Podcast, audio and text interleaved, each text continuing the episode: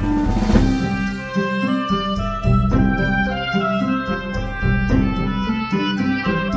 Welkom beste luisteraars. We hebben weer een nieuwe kleine boodschap. Hey eh, Paul, Hey Tim. het is eh, weer zover. Ja, we gaan weer een aflevering vol tips opnemen. Ja, inderdaad. Volgens mij nummertje 5 hè, deze keer. Oh, zo heb ik het eigenlijk niet helemaal... eh, ik heb ja, we zijn ooit begonnen met een aflevering met tips om met kleine kinderen naar de Efteling te gaan. Mhm. Toen hadden we volgens mij een aflevering met tips voor regenachtige dagen. Daarna eentje voor bloedhete dagen. Die met de regenachtige dagen, die raden nog wel het meest aan, denk ik. Hè? Aan mensen. Ja, en met kinderen ook misschien wel leukste. Ja, inderdaad. Dan, daarna hebben we nog eentje gemaakt eh, over eh, koude winterse dagen in de Efteling. Eentje over eh, bloedhete dagen in de Efteling. En dit is nummertje 5 over drukke dagen in de Efteling. Hè? Ja, dat is misschien wel degene die dan het meest is aangevraagd. Ik denk dat iedereen ook daar wel het meeste van wil weten. Ja, van, van hoe moet ik dan daarmee omgaan? Ja, ja Of- want we hebben krijgen, ze zelf wel een idee erbij hoe je er dan mee moet omgaan. Ja, dat is we- benieuwd zijn hoe wij daar tegenaan kijken. We krijgen redelijk vaak krijgen we, krijgen we inderdaad suggesties van, eh, van luisteraars, dus van jullie, eh, voor onderwerpen. En deze is wel heel vaak voorbij gekomen. Dus eh, eigenlijk raar dat we daar niet eerder aan toe zijn gekomen. Misschien dat we niet eerder durfden of zo, dat we nog wat, eh, wat stof moesten vergaren. Ja, het is misschien ook wel een voor de hand liggen. Hè? Want drukke dagen zijn er veel mensen. Dus statistisch gezien is de kans het grootste dat onze luisteraars er zijn op een drukke dag. Ja, precies, dat is waar. Dat klopt misschien niet helemaal. Maar het lijkt een sluitend verhaal. Ja. Overigens, als je, als je die andere afleveringen terug wilt luisteren eh, met de praktische tips. We hebben helaas geen zoekfunctie op de website. Maar waar ik laatst wel achter kwam, Paul, is dat als je eh, een aflevering van ons zoekt en je gaat gewoon naar Google en je begint je, je zoekterm met kleine boodschap en daarna tik je zeg maar ongeveer de titel van de aflevering die je wil, dan heb je ons eigenlijk in de eerste drie resultaten meteen te pakken. Dus Ja. je kan gerust Google gebruiken als eh, zoekmachine om eh, bij die aflevering uit te komen. Ja. Maar we gaan het vandaag dus hebben over eh, drukke dagen in de Efteling. ja, en dan moeten we misschien een beetje inleiden. Iedereen die wij om tips vroegen. Ik denk dat die allemaal als allereerste hoofdtip, zeg maar echt de gaven. Vermijd gewoon een drukke dag. Maar dat is niet echt hoe, hoe we deze aflevering Zo gaan we hem niet steken, nee. Kom je nou toch terecht in de Efteling op een drukke dag? Want natuurlijk is het advies, probeer een wat rustigere dag uit te zoeken. Kijk, de allerdrukste dagen, er zit ook wel een leuke kant aan, zeg maar. Maar dat is denk ik vooral als je abonnementhouder bent. Want dan voel je je niet zo geneigd om zoveel mogelijk te willen doen in het park.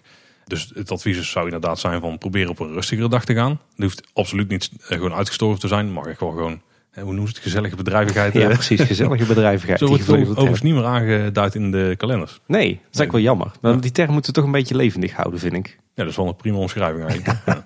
Maar kom je dus toch terecht op een drukke dag in de Efteling? Nou, dan zijn er wel manieren waarop je het dag een stuk aangenamer kunt maken. En dat zijn de tips dus die we vandaag gaan geven. Ja, precies. Want eh, toevallig was ik vandaag eh, in de Efteling. Het was eh, een gezellig bedrijvige dag, om het zo maar te zeggen. En ik was er met onder andere met een hele goede vriend. ook wel Efteling-kenner en liefhebber. En ik zei hem van, nou, we gaan het vanavond gaan we een aflevering opnemen over drukke dagen in de Efteling. Wat is jouw toptip? En het eerste wat hij zei was, blijf lekker thuis. Overigens denk ik daar zelf ook wel iets anders over. Hoor. Ik moet zeggen dat ik drukke dagen helemaal niet erg vind. Nee, maar dat komt denk ik dus wel omdat je abonnementhouder bent. En dan kun je gewoon rustiger aan en dan kun je wat andere dingen doen dan normaal. Je hoeft dan niet alle attracties af te tikken die dag, weet je wel. Nee, precies. Nou, merk dat daar zit ook al wel, wel een ontwikkeling in. Ik weet niet of je dat herkent. Als ik eh 10, 15 jaar eh, eh, terug in de tijd denk, eh, hè, toen ik zelf een jaartje of 15 was en ik ging met vrienden het park in, dan wilde je zoveel mogelijk attracties doen. Dus dan was het super irritant eh, als het druk was, want ja, je wilde toch al die attracties aftikken. Mhm. Eh, maar, maar om zaken als toiletten en horeca, daar, daar maak je niet druk om, want je, je duwde wel even gauw eh, ergens in een, in een hoekje een frietje naar binnen. En eh, eh, nu we 15 jaar later zijn eh, en ik eh, bijvoorbeeld in de Efteling kom met, eh, met de kids, dan, eh, dan is het ineens niet meer zo erg als er volop wachttijden staan eh, bij attracties. Want ja, je vermaakt je eigen prima met eh, een sprookjesbos en een paar draaimolens, even plat gezegd. Maar het is juist super irritant als er, als er toiletten druk zijn en er, geen verschoonruimtes zijn en het, het moeilijk is om aan eten te komen. Dus dat is bij mij een beetje gespiegeld in de loop der jaren, zeg maar. Ja, ik heb die dagen wel beide nog hoor. Soms dan kom je er wel eens met een groep collega's of zo, of met vrienden en zonder kinderen. En ook mensen die misschien niet heel vaak in de Efteling komen. Mhm. En dan ben je toch wel weer geneigd om terug te vallen in de oude patronen. Dus dat je zoveel mogelijk wil doen. Dat je gewoon, eh, dan, dan ben je meer de reisleider ook hè, op zo'n moment. Ja, precies. En dan Weet je wat er vandaag ook kan zijn? even achtbanen raggen, zeg maar. Ja, precies. En, en soms kom ik ook wel eens in de Efteling gewoon met het doel hoor, om zoveel mogelijk attracties te doen. Juist omdat er geen kinderen bij zijn, dus dan kan het even. Maar met Ja. de kinderen dan ligt de tempo altijd wel een stuk rustiger. Ik weet dan- inderdaad dat, dat de laatste keer dat wij, eh, dat was volgens mij de laatste midzomernacht, toen hadden we inderdaad oppas geregeld eh, voor, de, voor de kids. En toen zijn we de hele avond met z'n tweeën het park ingegaan. Toen hebben we eerst echt gewoon alle achtbanen in het park afgetikt. Ja, dat is mooi hè. Maar ja, de, de voordeel of nadeel van midzomernacht was dat het dus in een, eh, in een uurtje wel gebeurd was. Maar ja, daar, daar hebben we het al eens over gehad. Hey, zullen we er gewoon eens, eh, eens in gaan duiken qua tips? Ja, ik zie dat jij het makkelijk hebt opgedeeld in verschillende hoofdstukjes. Ja, inderdaad. Ik ben eh, van, de, van de orde en, en structuur. Hè? Ja. Dus ik- wat dat betreft de best gestructureerde aflevering van dit type tot nu toe, denk ik. ja, laten we het eens gewoon eens hebben over de, de planning. Hè? Wanneer ga je dan naar de Efteling? Ja, dat heeft dus wel een beetje te maken met wat we net zeiden. Want als je het een beetje kunt eh, beïnvloeden, probeer dan een beetje de rustige momenten te kiezen. Dus ook in de zomer geldt dat de weekenden toch drukker zijn dan de doordeweekse dagen. In het algemeen. Maar er zitten ook wel uitzonderingen tussen. Dat, dat is niet helemaal duidelijk volgens mij hoe dat zit. Maar Nou ja, weet je het is? Vroeger, vroeger hadden we deze vraag heel, heel makkelijk kunnen beantwoorden. Vroeger was het zo, en dan heb ik het over de tijd voordat eh, de, de jaar rond openstelling begon. Eh, vroeger was het eigenlijk zo. ehm, in het voorjaar was het altijd rustig. Met uitzondering van de nationale feestdagen. Dan kon je over de koppen lopen. Nou, dan kwam de zomer. Die begon eerst inderdaad ook. eh, die begon eerst wat rustig. Maar zo halverwege juli werd het loeidruk. Eh, en op de, de zomeravonden, de zaterdagen, was het, was het echt enorm druk. Maar ook door de week kon het heel druk zijn. Maar september had je nog een beetje een naloop. Eh, dan was het in, het in de weekenden nog wel redelijk druk, maar eh, dat was acceptabel. En vanaf oktober was het super rustig, zelfs in de weekenden. Eh, maar je ziet nu, sinds sinds een aantal jaar, eh, jaar rond open zijn, dat, dat die, eigenlijk die pieken steeds meer aan het afvlakken zijn. Tenminste, dat is mijn gevoel. Hè?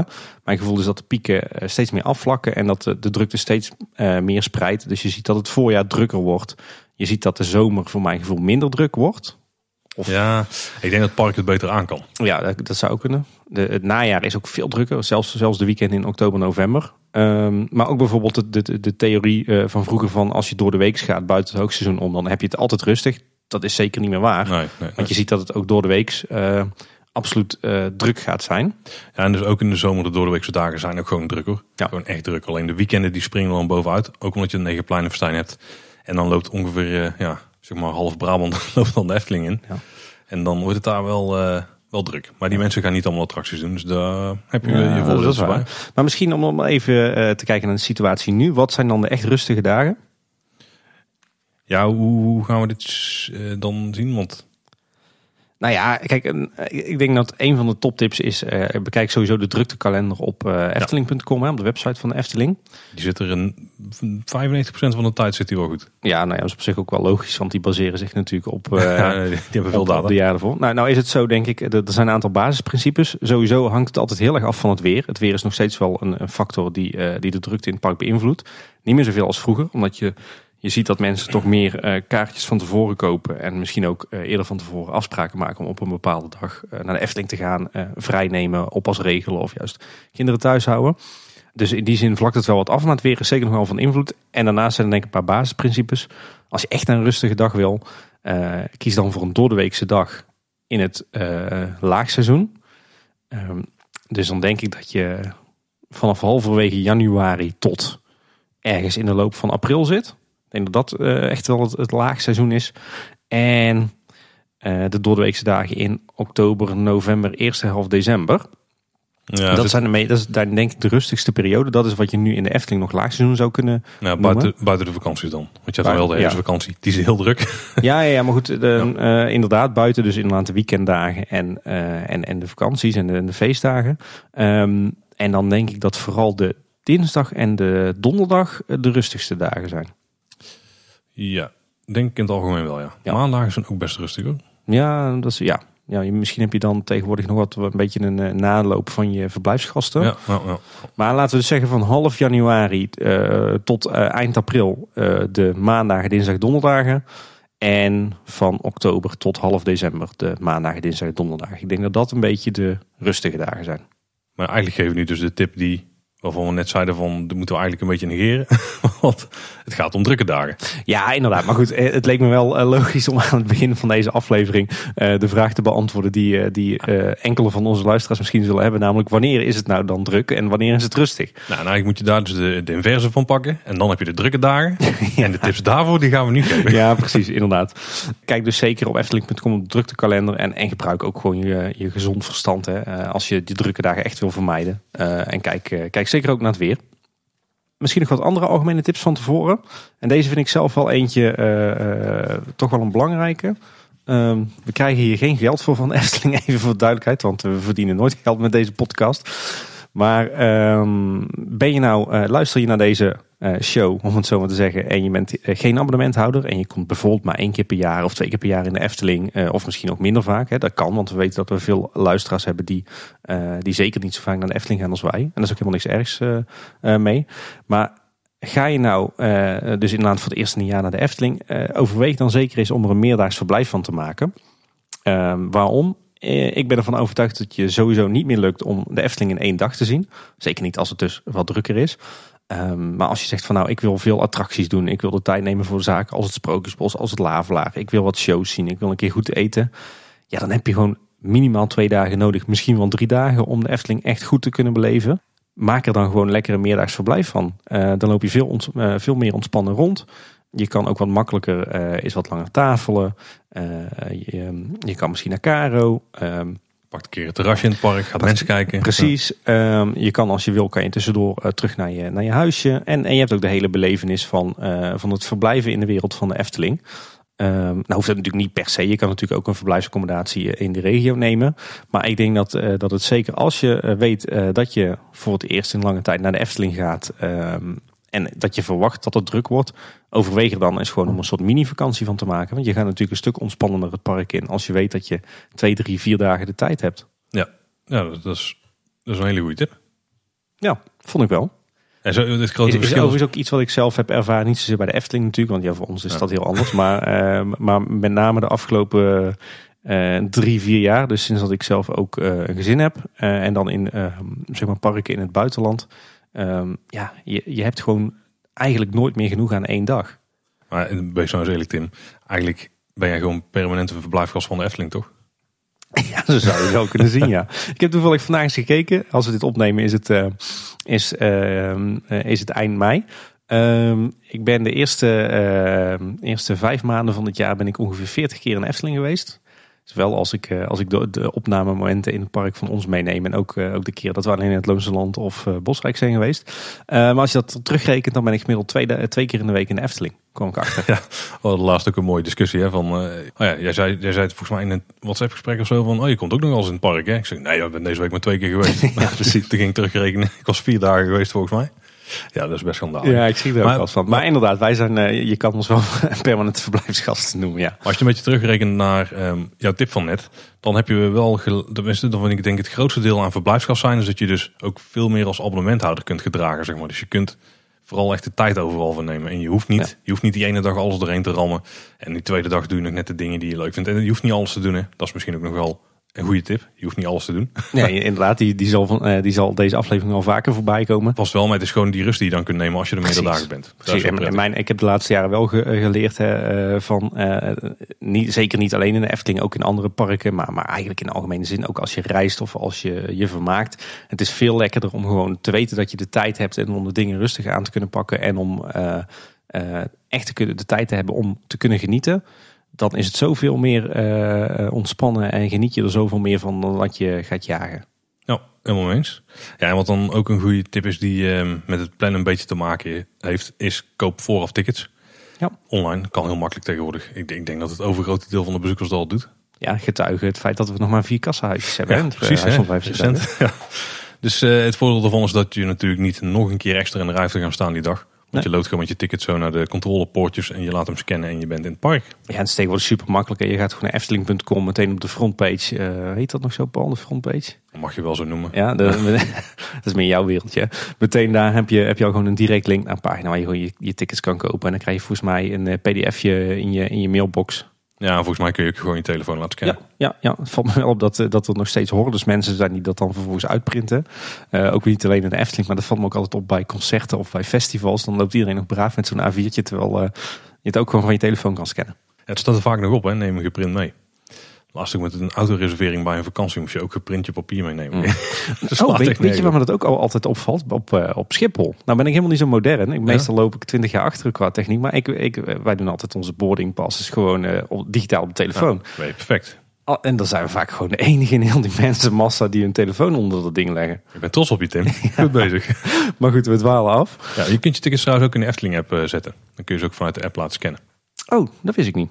Je bent voorzien van tickets, misschien van een abonnement. Misschien eh, heb je een verblijf geboekt. Maar je moet naar die Efteling op de dag. Ja, inderdaad. Hoe gaan we dat doen? Ik denk dat één super voor de hand liggende tip gewoon is, zorg dat je op tijd vertrekt. Ja. Want sowieso als je vroeger komt, dan is het iets rustiger op de weg. Ook bij de Efteling, want Ja, op een gegeven moment gaan er wel files ontstaan op drukke dagen als je met de auto komt. Hè. Ja. Ehm, daar kun je natuurlijk omheen werken. Absoluut. Ik denk dat, dat, dat je dan, eh, denk ik, als stelregel kan zeggen dat het eh, ongeveer een half uur voor openingstijd druk begint te worden. Dus als je maakt dat je voor die tijd, eh, dus bijvoorbeeld eh, eh, dat je het zo uitrekent dat je drie kwartier voor openingstijd bij de Efteling bent, nou dan heb je echt geen last van files. Ja, met openingstijd bedoel je echt het moment dat je het park zelf in mag. Hè? Dus, Ja, inderdaad. Dat bedoel ik. Ja. ja, dit is inderdaad wel een goede, maar daar kunnen we daar nog wel iets meer over hebben. Ja. Ehm, ja, een andere tip is natuurlijk reis met het OV. Waarom? De N261, de weg zeg maar, tussen Tilburg en Waalwijk, eh, waar de Efteling ook aan ligt, eh, daar kan nog wel eens wat file op ontstaan. Eh, maar als je met, met de trein naar Den Bosch of naar Tilburg gaat en je pakt daar de bus naar de Efteling, dan heb je daar geen last van, want er ligt een busbaan tegenwoordig langs de hele N261. Je hebt geen makkelijke, ik weet niet wat dan de term is, maar drive and drive. Nee, dat je, dat je echt PNR eh, bedoel je? Ja, eigenlijk wel. Ja, ja. Ja, nee, die eh, soort transferium bedoel je Ja, die hebben we niet. Hè? Nee. Nee, daar, eh, daar zijn wel de afgelopen 30 jaar heel wat stemmen voor opgegaan. En ook heel wat, wat scenario's voor uitgerekend. Maar dat, dat blijkt iedere keer niet rendabel te krijgen voor de Efteling. Dus vandaar is, dat, is dat er nog niet. En het is ook voor de, de gemeentes in het gebied ook, ook een veel te grote investering. Nou, er, liggen bijvoorbeeld, er liggen bijvoorbeeld in Den Bosch al twee PNR's, alleen die hebben alleen maar busverbinding met centrum. Ja. En niet met eh, de andere busroutes, dus dat is een beetje jammer. Nou, het zou zeker een optie zijn. Maar het is blijkbaar gewoon eh, te duur. Zowel voor de Efteling als voor de gemeentes in het gebied. Ja. Ehm, ja, we hebben, we hebben een volgende tip op het lijstje staan. Moeten we die opnoemen, Tim? Dit is wel echt een insider tip misschien. Ja, nou ja, ik, ik heb daar ook over zitten dubbel. Ik, dadelijk komt er nog veel erger. Maar ik vind ja, de luisteraars van Kleine Boodschap, die, die, ja, die mogen toch wel wat insider tips geven, toch? Ja, oké, nou bij deze dan. Ja, toch maar. Ja. Mochten er nou toch files eh, staan, eh, dan kun je, kun je ehm, die files proberen te ontwijken. Dat is natuurlijk eigenlijk niet hoe, eh, hoe, wat de bedoeling is. Hè. De bedoeling is dat je netjes in de file gaat staan en zeker geen binnendoorweggetjes en sluiproutes gaat kiezen. Maar ja, die paar mensen die naar Kleine Boodschap luisteren, die kunnen we wel wat insight tips geven hoe die te ontwijken. Ik denk een hele slimme, maar dat is iets wat je van tevoren moet bekijken. Stel dat je het nu heel druk verwacht, bijvoorbeeld omdat het een zomeravond is en je benadert de Efteling normaal gezien vanuit het noorden. Dus je komt over de A59 en je gaat via Vanuit Waalwijk ja. naar de Efteling toe. Dat is eh veruit de drukste route. Ehm, eh, de, de, zeg maar de, de zuidelijke ontsluiting van de Efteling, dus komende vanaf eh, Tilburg, die is een stuk rustiger dan dat je van, via de A59 in Waalwijk rijdt. Dus van tevoren loont het al om te kijken of je niet, niet, misschien niet toch via Tilburg kunt rijden. Dat, dat zou je al heel wat file kunnen schelen. Maar dat is gewoon van tevoren even uitpluizen op Google Maps. Stel dat je nou vanuit Tilburg komt en, eh, en je komt toch, eh, je weet dat er eh file aan zit te komen. En dat zie je natuurlijk bijvoorbeeld in je, je Google Maps op je telefoon. Hè, want daar heb je tegenwoordig die drukte indicatie op zitten. Dan kun je een paar dingen doen. Wat heel wijs is om, is om dan een afslag eerder te nemen, namelijk de afslag loon op zand. Ehm, en ook dan kun je weer twee dingen doen. Je kan er dan voor kiezen om de Horst te nemen. Eh, en dat is de weg, die hebben wij al heel vaak besproken in deze, deze aflevering. Die ligt eigenlijk parallel aan de N261. En eh, vaak kan je daarmee wel een groot deel van de file ontwijken. Ehm, Al, al denk ik dat het wel iets minder prettig is nu, die, nu het de verlegde horst is geworden. Of het is nog steeds de horst, maar Ja. wij noemen nog steeds de verlegde horst. Want die is wat smaller. En ik denk dat hij daardoor ook wel wat, ja, het, het wat trager verkeer en zo eh, gaat trekken. En dat het inhalen, daar, ik weet niet. Ja, het is sowieso een on- on- in principe een oncomfortabele weg. Omdat je natuurlijk die betonplatenbaan hebt daar. En ik denk dat ook heel veel mensen deze sluiproute kennen. Dus het zal, als het echt eh, een verkeerschaos rond de Efteling is. Hè, eh, wat je bijvoorbeeld op de extreem drukke dagen hebt. Dus met name de, de zaterdagen in, in, het, in het zomerseizoen. Maar ook bijvoorbeeld als er een ongeluk gebeurt of iets dergelijks. Ehm, dan staat dit hier vaak ook wel eh, eh, wat voller. Niet, zeker niet zo vol als een snelweg, maar toch. Wat je ook nog kan doen als je dus de afslag loon op zand pakt, is dat je daar eh, de moer aanhoudt. Wat een, een, een kerkdorpje is, eh, wat ook eh, binnen de gemeente Loon op Zand valt. Rijd dan eh, naar het centrum van de Moer. Het is een kruispunt van het kruispunt. En nou goed, op een gegeven moment neemt je, je, neemt je routeplanner dat daar wel over. Maar dan rij je eigenlijk via het, het buitengebied tussen de Moer en Kaatsheuvel rij je richting de Efteling. Dan kom je eigenlijk ook vrijwel meteen in het, het grondgebied van de Efteling terecht. Ehm, bijvoorbeeld via het golfpark van de Efteling. Of via eh, de voetbalvereniging Bergdijk kom je dan langs. Eh, en dan benader je eigenlijk de Efteling eh, via een hele andere weg en omzeil je alle files. Ja, en het voordeel als je vanuit die kant komt, uiteindelijk kom je dan ook bij de hoofdverkeerplaats uit. Ja. En dan hoef je niet meer voor het stoplicht te gaan wachten. Dan mag je meteen rechtsaf slaan. En dan moet je daar wel even bij wat haaitanden wachten als er verkeer komt wat dus wel van de Europalaan afkomt. Ja. En dan draai je zo het parkeerterrein op en dan ben je er. Inderdaad. Dus houd dan, pak dan de afslag loon op zand en hou van het daar de moer aan. Ja, en als je dus van de andere kant komt, vanuit eh, Waalwijk, Ja. dus vanuit de A59, dan eh, is eigenlijk de tip hetzelfde. Je kunt een afslag eerder pakken. En misschien zelfs wel twee eerder, maar het ligt een beetje aan hoe druk het is. De eerste, want we hebben twee, is ongekend. En Kaatsheuvel is echt een, een, een gigantisch dorp. Zo groot dat het twee afslagen heeft, een Noord- en een Zuidafslag. Precies. En Zuid is dus de afslag van de Efteling. En Noord is de afslag bij eigenlijk Den Hotel. Ja. En als je daar afgaat, dan kom je bij Rotonde, ga je links. Eh, die weg rij je eigenlijk gewoon heel de tijd rechtdoor. Komt er op een gegeven moment nog een gek slingertje, maar je navigatie heeft je vanaf dat moment eh, wel, wel weer geholpen, denk ik. Ja. En dan kom je eigenlijk eh, gewoon op de Horst uit ook weer. Maar dan aan de andere kant van de Europalaan, dus aan de noordkant. En dan kun je rechtsaf zo de Europalaan oprijden. Ja, dus neem inderdaad dan afslag uh, Kaatsheuvel Noord. Ja. En je kunt eventueel nog een afslag eerder er zelfs afgaan. Bij die rotonde bovenop, zeg maar. En dan kom je uiteindelijk, als je daar dus rechts gaat, ook op diezelfde weg weer uit. En Ja, zo afslag Waalwijk is dat hè? Ja, ik weet niet Waalwijk welke- en Landgoed Driessen. Ja, ik weet niet precies wat de benaming op de borden daar is, maar inderdaad, ja. Nou, dan haak ik toch even aan, Paul. Want stel dat het nou eh, zo druk is eh, dat, het, dat je al ver voor die plek in de file staat. En dat gebeurt echt wel op zomeravonden, maar ook bijvoorbeeld op uitkopen. Wanneer eh, een groot deel van de bezoekers op exact dezelfde tijd komt. Eh, dan eh, ligt er eigenlijk een heel lint, eh, parallel aan de A59 en de N261, door een aantal dorpjes. eh, waarmee je volledig binnendoor naar de Efteling kunt rijden. Eh, dat begint eigenlijk al bij Raamsdonksveer. Eh, dus dat is nog voor het knooppunt Hooipolder, daar waar de A59 en de A27 elkaar kruist. ja. Meer richting Breda. Ja, je kan dus ehm, vanaf de afrit Raamsdonksveer, kan je eigenlijk bij iedere afrit van de A59 af, om parallel aan de weg richting de Efteling te rijden. En dan rijd je gewoon door de dorpjes heen. Dus in het allerslechtste geval ga je er al helemaal voor knooppunt Hooipolder in Raamsdonksveer. Of het ver, zoals dat hier lokaal heet. Ga je eraf. Eh, en is er nou minder drukte op de weg, dan kan je er ook later eh, eh, van af. Maar dan loopt er eigenlijk een soort lint vanuit Raamsdonksveer naar Raamsdonk, naar Waspik. En vanuit daar ehm, kun je of via Schravenmoer naar eh, het buitengebied naar Kaatsheuvel. Of je rijdt het lint door en je rijdt naar Sprankapelle. Eh, en dan kan je via een stukje Waalwijk ook weer naar Kaatsheuvel. Dat is ook iets dat moet je, je, route, je Google Maps neemt op een gegeven moment wel over.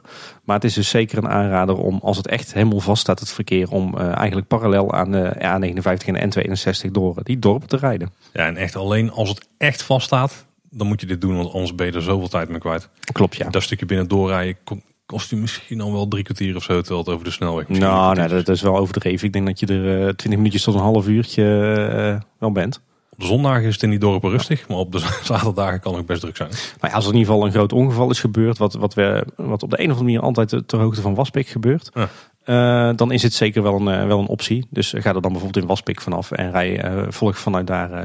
Dan Rij over een dijkweggetje en vanuit Sprankapelle ben je ook zo eh, in Kaatsheuvel. Ja, nogmaals, het disclaimer doet het dus echt alleen als het druk is, want de Efteling heeft een soort van beloofd samen met de gemeente en de provincie dat het dit, deze zomer een stuk beter geregeld zou moeten zijn. Ja, precies. Maar gewit ooit nooit, zoals Nee, ze dan zeggen. Het zal wellicht nog een keer druk zijn, maar het, ja, het zou wel mee moeten vallen dit- deze zomer. Ben benieuwd. Een laatste verkeerstip om het zo maar te zeggen. Als je de Efteling benadert vanuit het westen, is het ook een optie om, eh, om de, eh, een stukje binnendoor te rijden en via Dongen te rijden.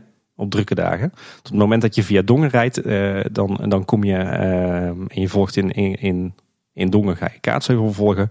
Dan kom je eigenlijk via aan de andere kant op de Europalaan terecht. En dan kan je inderdaad ook helemaal doorrijden over de Europalaan naar het parkeerterrein van de Efteling. Zonder stoplicht rijden dan het parkeerterrein op. Dus het is ook nog een optie om Dongen aan te houden. Ja, dat zou je zelfs kunnen doen als je dus ongeveer bij Breda zit en dan aan de zuidkant ervan. Ja. ja. En dan zie ik nou de meest schandalige tip, Tim. Dat kan eigenlijk niet hè. Nee. Oh, nu gaat het. ik weet ook niet of dat echt een goede tip is, hoor, maar het is een tip. Nou ja, in ieder geval, eh, omdat er maar ongeveer vier mensen naar Kleine Boodschap luisteren, kunnen we dit wel maken. En eigenlijk wil natuurlijk eh, niemand dit, maar ehm, kijk, in de basis is het in de Efteling nu tegenwoordig redelijk goed geregeld qua parkeren. Dus eh, zou je kunnen zeggen, ehm, parkeer gewoon bij de Efteling. Dat is denk ik ook wat, eh, wat iedereen wil, wat de Efteling wil, wat de gemeente wil. Eh, en wat normaal gezien ook de snelste en meest efficiënte oplossing is. We hebben daar Zeker nog als je een paar van onze tips volgt. ja, dadelijk. ja, we hebben daar nog meer tips. Maar stel eh, dat je nou verwacht dat het extreem druk gaat zijn. eh, bijvoorbeeld omdat je weer op een uh, op een zaterdag richting de Efteling gaat. Of het is kerst of eh, eh, het is op een andere manier extreem druk. en je hebt geen zin s'avonds ingezeik met uitrijden, met het feit dat je enorm ver van, je, van het park geparkeerd staat, met, met een hoop gedoe, dan is een hele inside tip, parkeer dan toch gewoon in Kaatsheuvel.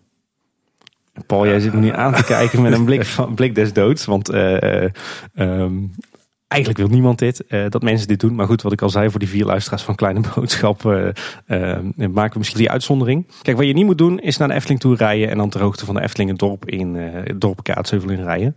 Want op dat moment dan, ehm, ja, dan kom je eigenlijk in het gedeelte van Kaatsheuvel waar en een hele hoge parkeerdruk is en waar in een heel aantal straten zijn aangemerkt met parkeren voor vergunninghouders.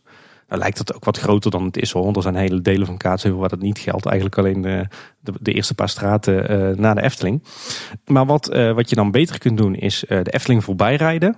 Dan volg je gewoon de Europalaan een heel eind. Dan, eh, dan rij je ook eh, bijvoorbeeld het eh, vak K eh, voorbij. En dan kom je op een gegeven moment op een rotonde waar de Europalaan de Marktstraat kruist. Dat is ter hoogte van het, eh, het oude politiebureau, de brandweer en eh, de Boerenbond onder andere. Eh, als je daar nou rechts gaat, ehm, dan kom je op de Marktstraat. En pak dan de eerste of de tweede eh, straat rechts. En dan kom je in de wijk, eh, die heet Heiakker. En ja, dat is gewoon een, eh, een, een hele groene, luwe woonwijk. waar in principe redelijk wat parkeerruimte is. Pak dan je Google Maps erbij en parkeer ergens in een van de straatjes dicht tegen de Europalaan aan. En vervolgens steek je de Europalaan over, ge- loop je richting de Kinkerpolder. En dan sta je eigenlijk ja, op ongeveer dezelfde afstand van de Efteling geparkeerd als mensen die op elkaar geparkeerd staan.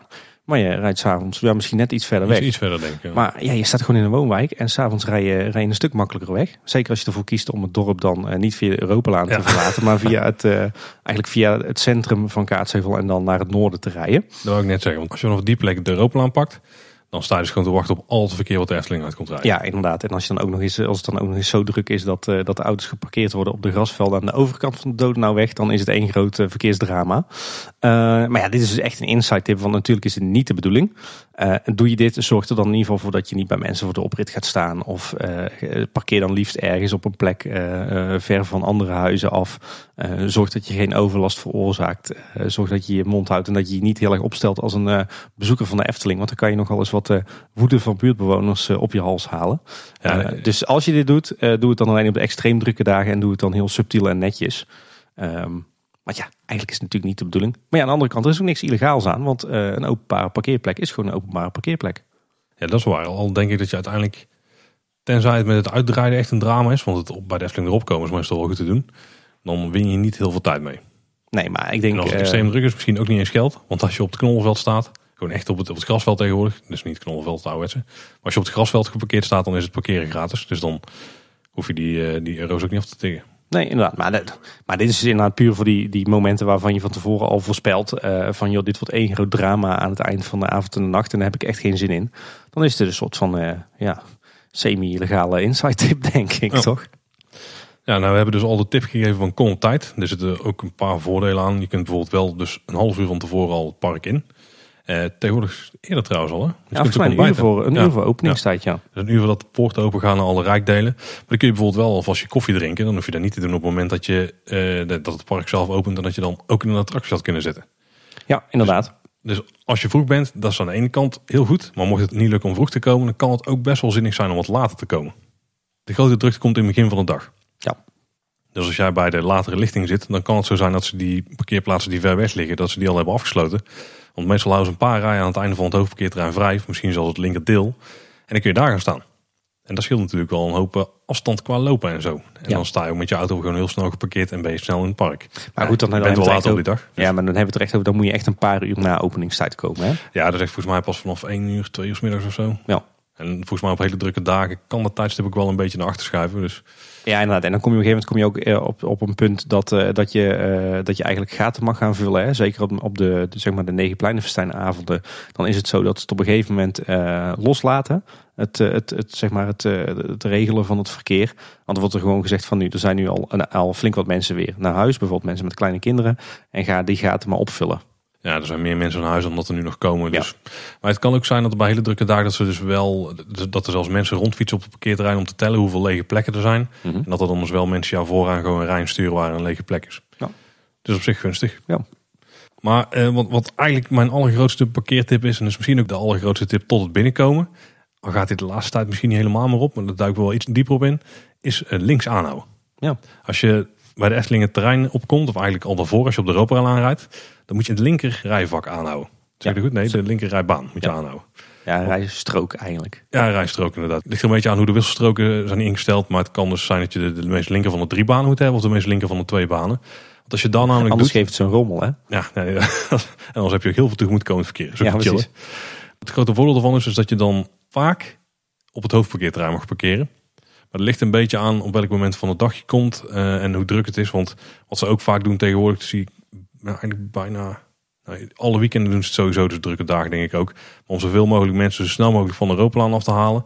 laten ze ook mensen alvast naar K rijden. Dus naar het tweede parkeerterrein. Ja, ja absoluut. Het is, het is denk ik zelfs zo dat, eh, dat, dat eigenlijk deze tip eh, alleen maar 100% garantie geeft als ze echt met drie banen inrijden. Want dan gaat sowieso de meest linkse baan gegarandeerd het hoofdparkeerterrein op. En gaan de, de, de twee rechtse banen sowieso richting K, want er gaan geen drie banen naar K. Dat is een goeie, ja. Sinds dat die wisselstroken er zijn, is het inderdaad zo, ja. Dus, dus maken in dat geval de zorg er altijd voor dat je de meest linkse baan hebt. Want dan kan je gewoon, word je onder geen beding naar vak K gestuurd. Ja, want als je namelijk op de twee rechts staat, dan sturen ze gewoon naar K. Want dan Ja. hebben ze een hele lange strook om mensen neer te zetten die dan allemaal van de Europlaan af zijn. Zodat ze die een Ja. beetje schoon houden. Ja. En dan werken ze die weg op vak K. En iedereen die in de meest linkerbaan rijdt, die kan op het hoofdverkeerterrein terechtkomen. Eh, Maar als die dus vol begint te raken, dan gaan ze die dus wel afsluiten op een gegeven moment. Zodat ze daar reservevakken over hebben. Zodat alle mensen die op K staan en misschien zelfs op het grasveld, dat die daar weg kunnen. En dat die allemaal eh, in het park iets kunnen gaan doen of er rondomheen. Eh, En aan het eind van de dag, dus wat later, wat we net al zeiden, dan gaan ze op een gegeven moment het hoofdparkeerterrein weer opengooien. Klopt, ja, ze, ze, werken er steeds vaker mee dat ze preventief K gaan gebruiken, om het zo maar te zeggen. Dus daar beginnen ze gewoon de dag mee, ongeacht of het later blijkt of dat echt nodig is of niet. Eh, maar sowieso inderdaad, zorg er altijd voor, ook het parkeerterrein zelf, dat je zoveel mogelijk links aanhoudt. Want als je helemaal veel geluk hebt, dan mag je naar de korte kant. Ja, dan heb je echt de en dan, bonus. Ja, en dan, eh, daar, daar is niet zo heel veel parkeerplek, maar dan sta je helemaal sowieso dicht bij het Huis van de Vijf Zintuigen. Maar ook is je, loop, je loopafstand naar de parkeerpromenade ook, eh, ook heel kort. Ja, dat is nog een voordeel van als je links aanhoudt. Want stel je mag dus naar de lange kant. Dan is het linkse rijbaan is degene die dus één rij eerder erin moet rijden, zeg maar. De baan die rechts zit, die pakt eigenlijk de meest gevulde baan. Of de meest gevulde parkeerrij. En jij rijdt dan altijd een rij ervoor in. En die is meestal leger. Sta je dichter bij het huis van de vijf Ja, zintuigen. ook daar. Dus altijd links aanhouden eh op het parkeerterrein. Overigens is het nu is het zelfs zo als wij met de auto, die paar keer dat we met de auto gaan, eh, eh, omdat wij zeg maar uit de richting Dongen komen, zouden we dan heel makkelijk via die, die nieuwe rechtsaf zo het parkeerterrein op kunnen. Maar wat wij dus vaak doen is gewoon het doorrijden tot aan het stoplicht, om daar, om dat, om daar, daar vervolgens zo link, zoveel mogelijk links uit te voeren. Ja, slim Tim. En dat allemaal dankzij slim. die tip van jou, Paul. Maar dat is ook een goede tip voor de mensen die dus vanuit Dongen komen. Ja, Het kan dus wel lonen om naar, de parkeer, of om naar het stoplicht te rijden. Ja. We hebben van een luisteraar in Zino, waar we overigens heel veel tips van hebben gehad. Die heeft een keer uitgezocht hoe het nou zit met parkeren. En het was op een gegeven moment zo in de afgelopen maanden. Dus ik weet niet zeker of dat het nu nog steeds zo is. En de komende zomer kan het ook wel anders zijn. Maar dat tussen 8 en 9 iedereen die aankomt rijden op de lange zijde van de hoofdverkeerplaats mag komen staan. Mhm. Dat dan vanaf een uur of negen de wisselstroken naar drie banen gaan. En vanaf dat moment gebeurt dus wat we net zeiden. Dan gaan de linkse gaat naar het hoofdparkeerterrein en de twee rechtse gaan naar vak. En op een bepaald moment, en dat is dan wel iedere dag verschillend, ligt een beetje aan de drukte. Dan is K heel, heel in het vol, dan zetten ze die dus dicht. En dan laten de laatste mensen, als ze verwachten dat er niet superveel meer komen, die zetten ze op het hoofdparkeerterrein of op de korte kant. Ja, ik heb overigens wel het idee dat het niet altijd per se dus één uur voor, voor openingstijd is. Eh, voor mijn gevoel is het ook wel eens een half uur voor openingstijd dat ze overgaan op eh, drie wisselstroken en het, eh, het vullen van K. Ja, ik denk dat ze nog een beetje mee spelen, dat het Ja. misschien afhankelijk is van de drukte. Ja. Het links aanhouden heeft ook wel zin als je bij de kaartcontrole komt. Want aan de rechterkant zijn er minder controlehokjes zeg maar, op dezelfde ruimte dan aan de linkerkant. In de André bedoel jij? In het huis van de vijf zintuigen. Ja. Ja, ja. zeker eh, als er dan extra, of extra controlepunten bij komen, komen die ook altijd aan de linkerkant. En dan verspreidt zich daar in één keer heel die meute naar links over die, eh, die gemetselde wand, zeg maar. En dan kun je daar in één keer naar binnen. Dus als je daar links aan hebt, ben je meestal sneller binnen dan rechts. Aan de andere kant er staan nog een paar kassahokjes in de weg en rechts heb je natuurlijk nu een vrije doorloop. Ja, dat is waar. Nou, links kun je ook wel beter doorlopen, hè, want daar hebben ze een aantal weg gehad. Hey, maar nog een paar kleine praktische tips eh, wat betreft parkeren. Ehm, vergeet, eh, vergeet niet het bordje eh, te onthouden, dus van de rij waar je staat. Eh, en vroeger moest je dat dan op je hand schrijven, maar tegenwoordig kan je natuurlijk heel makkelijk een foto maken van het, het bordje. Nou, of check even dat je telefoon een puntje heeft gedropt op de plek waar je je auto hebt geparkeerd. Als je aan je carkit bent verbonden, dan doet hij dat meestal automatisch. Oh, Hey, top tip in je Maps app. dat snap ik allemaal niet, maar goed, vooruit. Eh, maar gewoon je bordje fotograferen, dat, is, dat, is, dat scheelt ook al een hoop misère. Ja, en aan, eh, aan het eind van de dag geldt natuurlijk, blijf langer hangen in het park om, uh, om met uitrijden de files te uh, omzeilen. Hè? Want ja. het kan dus ook maar zijn als jij rond sluitingstijd op een drukke dag richting het parkeerterrein loopt, dat je daar met een beetje pech een uur in de auto in de file staat. Terwijl als jij dat uurtje nog in Efteling blijft hangen om nog wat te eten, te drinken en te ouwehoeren, dan kan het zomaar zijn dat je daarna in één ruk door naar je auto kan lopen en zo het terrein afrijdt. Ja, en als je dan nou nog soepeler wil laten gaan, is het ook heel verstandig als je je parkeerkaart van tevoren koopt. Ja. Sowieso aan het begin van de dag dan zijn die automaten meestal redelijk rustig. En ze hebben er de afgelopen tijd echt heel veel bijgeplaatst. Volgens mij waren het er eerst maar twee. Maar volgens mij... eh, Ja, ze zijn nu, nu staan er volgens mij acht automaten, alles bij elkaar. Dus je hebt heel veel plekken nu om die te kopen. Mocht het daar druk zijn, aan het eind van de dag is dat wel. Je kunt ook bij de gastenservice en bij Efteldingen kun je die uh, parkeermunten kopen. Ja, ik vind met name die Efteldingen een toptip. Ook als, want het komt ook wel eens voor dat het ochtends al druk is bij, uh, bij de parkeerautomaten. En dan is het zeker ook druk bij de gastenservice met mensen die van alles willen regelen. Uh, maar in de Efteldingen is het dan altijd nog super rustig. En bij de Efteldingen kan je gewoon met de kassa ook die parkeerkaartjes kopen. Dus oh. dat is denk ik wel de toptip qua parkeerkaarten. Nou, we zijn in het park. We hebben een parkeerkaart. Misschien zijn we op de fiets gekomen, maar... Of te voet. Want dat is trouwens ook nog, hè? als je die mogelijkheid hebt op de fiets komen of te voet. Ja. Dat zijn hele erg prettige manieren om bij de Efteling te Precies, kan ik zeker aanraden. Maar ik denk dat dat een luxe positie is die niet al onze luisteraars zullen hebben. Tenzij je natuurlijk in een verblijfsaccommodatie verblijft. Ja, maar stel je woont in Kaatsheuvel, je gaat normaal gesproken met de auto. In de zomer kan het zeker lonen om dan de fiets te pakken. Ja, absoluut. Ook al duur je er dan misschien 10 minuten langer over om te komen. Want die tijd die win je makkelijk. Dan kun je ook een pintje pakken, hè?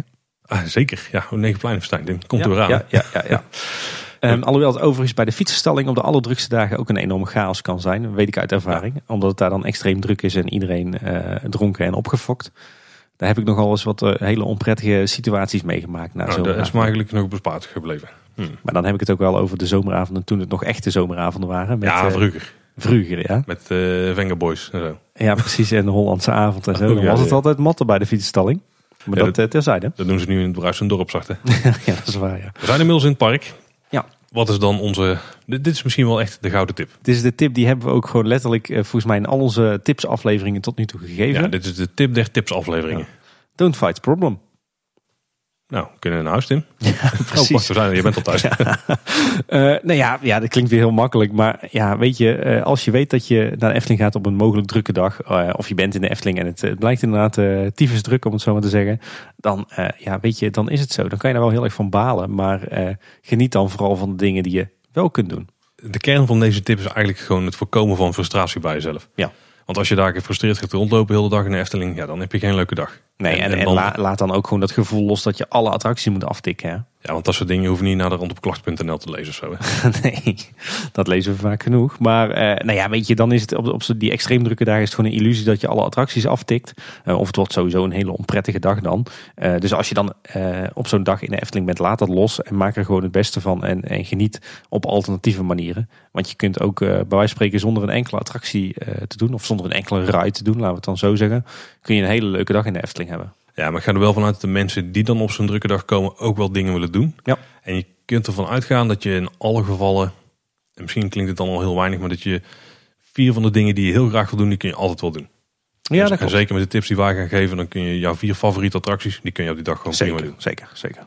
Want het, het, voordeel van de dagen dat het uh, meestal druk is, is dat het park ook langer open is. En als het een keer onverwachts druk is, en het park zou normaal gesproken tot 6 uur open zijn, is de kans best groot dat het park tot een uur of zeven open is. Het gebeurt meestal tien dagen per jaar of zo, denk ik. Ja, nou ja, dat was een paar jaar terug was dat nog, uh, werd het echt alleen maar gedaan om de enorme rampdagen. Maar ze zijn daar tegenwoordig steeds makkelijker inderdaad. Ze blijven uh, dat flexibele afsluiten, dat doen ze echt wel goed. En de openingstijden zijn sowieso wel wat verruimd, of ja, in ieder geval absoluut. openingsmomenten. Ze zijn er ook heel erg mee aan het, uh, ja. het experimenteren. Ja. Dat zorgt er wel voor dat het tegenwoordig een hele studie is om te bepalen wat nou de openingstijden zijn van de Efteling. Vroeger was het gewoon van 10 tot 6 en in de zomer van 10 tot 9. Maar daar kom je er tegenwoordig niet mee. Uh, maar het voordeel is dat er op efteling.com op die druktekalender ook gewoon de openingstijden vermeld uh, staan. Dus misschien ook een tip voor de planning van tevoren. Zorg er in ieder geval voor dat je van tevoren even gecheckt hebt wat in theorie de openingstijden gaan zijn. En dan niet alleen. We lopen een beetje vooruit op de volgende tip al hiermee. En dat is de Efteling app. Ja. Want, want daar staat namelijk ook gewoon best wel duidelijk in hoe lang het park open is. Als je namelijk op de menuknop drukt, dus dat is die knop die is bij mij linksboven met die, uh, wij noemen het het hamburger menu. Dat is de vakterm ervoor. Die oh, dat zijn die drie streepjes onder Ja, elkaar. precies. De lamellen, zeg maar. Nee, de hamburger. Ah. Als je daarop drukt, dan staat onderaan staat uh, wat de openingstijden van het park zijn. En als die veranderen, dan wordt die daar ook aangepast. Ja. En sowieso denk ik is het, het gebruiken van de, de app uh, zeker een aanrader. Want stiekem is het toch super handig om de wachttijden in de gaten te kunnen houden. Ja, ja zeker. Ja. Want ik vind uh, dat ze best wel overzichtelijk in de app staan. En niet, niet als je de, zeg maar de kaartweergave bekijkt en je, je moet op al die stippen gaan drukken om de wachttijden te zien. Maar als je gewoon uh, de lijst opent, dan heb je eigenlijk best wel een, een, heel handig overzicht van de wachttijden overal. Ja, en waar ik hem zelf ook veel voor gebruik is om te checken of dat attracties die in storing vallen, want dat gebeurt nog wel eens, mm -hmm. die zijn interessant om in de gaten te houden. Stel dat er nou een attracties die jij graag wilt doen, en je houdt in de gaten wanneer die weer open gaat. Op het moment dat die open gaat, dan denkt het hele park dat de ding nog steeds een storing is. Maar als jij dat weet, dan is daar gauw informatie. Ja. Want als je op dat moment naar die attractie gaat, is de kans dat je daar binnen een kwartier in zit is best wel groot. Ja, nou dat valt mij, het valt mij sowieso op dat uh, uh, van tevoren was ik daar wel enigszins sceptisch over. Maar uh, dat het stiekem best wel loont om die app gewoon goed in de gaten te houden. Ja, vanwege die wachttijden. Want ze zijn eigenlijk best wel actueel. tegenwoordig houden ze het bij de attractie best wel goed in de gaten. Dus die wachttijden zijn redelijk realistisch. En het loont echt wel om gewoon een paar keer per dag te kijken van oké, wat, wat zijn nu de opties? Waar willen we onder andere naartoe? Je opent even de app en je kijkt oké, daar is nu de wachttijd het minste, dan gaan we daar nu naartoe. Ja, er zijn er wel een paar uitzonderingen. De monorail, daar klopt meestal helemaal niks van, van die wachttijd die daar staat. Nou ja, waarschijnlijk omdat daar de operator geen zicht heeft op de wachtrij. Nee, precies. Die staat of op 0 minuten of op 30 of zo. er zit meestal niks tussen. En Carnaval Festival weten we dat het daar moeilijk is om die wachttijden in, in de gaten te houden en up-to-date.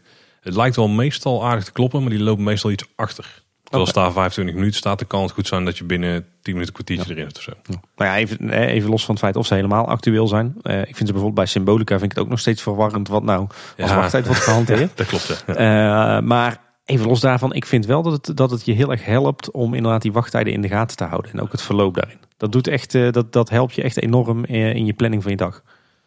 Die de app gewoon in de gaten houden. En wat ook wel een goede tip is, is Loopings die heeft ook die wachttijdenpagina. Die gebruikt dezelfde informatie, maar die sorteren ze altijd van drukste naar minst drukken. Ja. De attractie. En je kunt volgens mij tegenwoordig ook alerts instellen. Is die optie al beschikbaar? Die hebben ze al aangekondigd. In de, in de app van de Efteling ja. bedoel je? Ja, ja. Dat als de wachttijd onder een bepaalde grens zakt, dat je dan een melding krijgt. Ook heel makkelijk. En, en wat ook goed werkt, is als je nog veel Twitter checkt terwijl je in het park bent. Mm -hmm. Om Eftelstats te volgen. Oh ja. Dat is een beetje de godvader hè, van de wachttijd apps of wachttijd plekken waar je wachttijden kunt zien. Want die, uh, vooral bij storingen zo, geven die als eerste meteen een melding wanneer een attractie weer uit storing is. Ja, ik volg, uh, volg ze inderdaad ook. En het is uh, sowieso leuk om te volgen. Want dan heb je toch een beetje real-time een idee wat er in de Efteling gebeurt. Ja, je krijgt af en toe een dagrapportje binnen. Zo. Ja, dus je krijgt een beetje, als je de dagen van tevoren kunt volgen, krijg je ook een beetje het idee van welke attracties zijn op welk moment heel druk. Want daar kun je ook over de dag heen dus de grafiekjes zien van de wachttijden. Ja, dat is heel gaaf inderdaad. En dan, ja. dan krijg je best een goed idee van oké, misschien moet ik daar dan beginnen. Dus als je die een beetje in de dagen in de aanloop naar je bezoek in de gaten houdt, dan kun je ook best wel een idee krijgen van een goede planning. Ja. Nou moet ik zeggen dat ik, ik ging voorheen vaak naar loopings.nl slash wachten. Was volgens mij de link hè. Uh, voor een overzichtelijk overzicht moet ik zeggen dat, dat de app zoals die nu in elkaar zit, de Efteling app, dat ik die eigenlijk gewoon altijd gebruik. Omdat het ook prima overzichtelijk is en... Uh, ja, dat voelt toch beter op de een of andere manier. Ja, nee, je kunt er ook je favorieten aangeven. En die komen ook bovenaan de lijst staan volgens mij. Dus dan heb je daar altijd een overzicht over van die attracties bij elkaar, van hoe lang de wachttijd is. Ja, je hebt die alerts inderdaad. Ja. En uh, ja, ook nog even een algemene tip, maar daar hebben we het ook al een beetje over gehad. Uh, zorg dat je op tijd bent. Dus niet alleen omdat het dan waarschijnlijk rustig is op de weg en rustig met parkeren. maar het is ook gewoon een heel relaxed begin van de dag. Hè. Als je echt de luxe hebt om drie kwartier of een uur van tevoren te arriveren. Omdat je bijvoorbeeld geen rekening hoeft te houden met, met, met het entertainen van kids. En, en omdat je geen moeite hebt met vroeg opstaan. Kom dan gewoon lekker vroeg. want dan kun je alles op het gemakje doen. Kun je zorgen dat je van tevoren 1, 2, 3 kop koffie in je mik hebt. Uh, een beetje rondwarrelen over die Padoespromenade en, uh, en de Brink. Uh, en ja, weet je, dan kun je gewoon vooraan gaan staan. Hè? Ja, en dan komen we bij de attracties. Want waarom we vooraan gaan staan? Om een attractie mee te pikken natuurlijk. Ja, precies. En daar is natuurlijk het heel, heel wat over te zeggen. Ja, maar ik denk dat we daar wel een, op, op één lijn zitten. Um, ik had het net over dat je iedere dag dat je er bent, hoe druk het ook is, dan kun je sowieso jouw favoriete attracties doen. Ja, lukt klopt. altijd. De vraag is alleen hoeveel tijd je daaraan wil verspillen. Nou, oké. maar zonder al te veel frustratie. Ja. Laat ik het daarop houden. Tenminste, wat mijn tip dan zou zijn, want er zijn een paar uitzonderingen. Maar ga bij een van de Rijkpoorten staan. Dus langs de mhm. Padoespromenade. Uh, je kunt dus meteen de Sprookjesbos in. Nou, die zou ik even overslaan, want dan kun je later op de dag prima terugkomen. Uh, de, de rechtse, die eerste die je tegenkomt, die gaat een beetje richting uh, de Bob. En, of die gaat richting de Bob en Fata Morgana. En dat is ook de snelste om in Ruigrijk te komen. Tenzij je naar de Bron wil. Als je naar de Bob wil, is het al niet de snelste bijvoorbeeld. Dan kun je beter bij het Spookslot gaan staan. Dan kun je ook heel snel pannendroom in. Maar ook daar zou ik gewoon afraden. ja, precies. Boksel zou ik ook voor links laten liggen. Um, en dan wat verderop heb je nog poorten en die gaan dan... Uh, of je gaat bij Symbolica gewoon voor de entree staan. Zou ik ook afraden. Of je gaat naar links richting Marenrijk of je gaat naar rechts richting, ja, waar kom je dan uit? Onder andere bij Ruigrijk. En dan kun je ook naar Reizenrijk, maar dus, ja, dat is, dat is redelijk gunstig om naar Reizenrijk te gaan. Trouwens. Ja, als je, als je snel richting het, eh, het wil, dus uh, Carnaval Festival uh, Monsje Carnaval Vogelrok, dan kan je beter via de Marenrijkpoort lopen. Ja, ja Dat is ik gericht. Ja. Ja, ik, ik denk daar iets anders over. Ehm, Nou, zitten we niet op één lijn. Nee, precies. Dat valt er weer tegen dan. Nee, ik heb mijn tip nog niet gegeven. Dit was een beetje de situatie schetsen. Ja. Wil je, nou, dan geef je tip.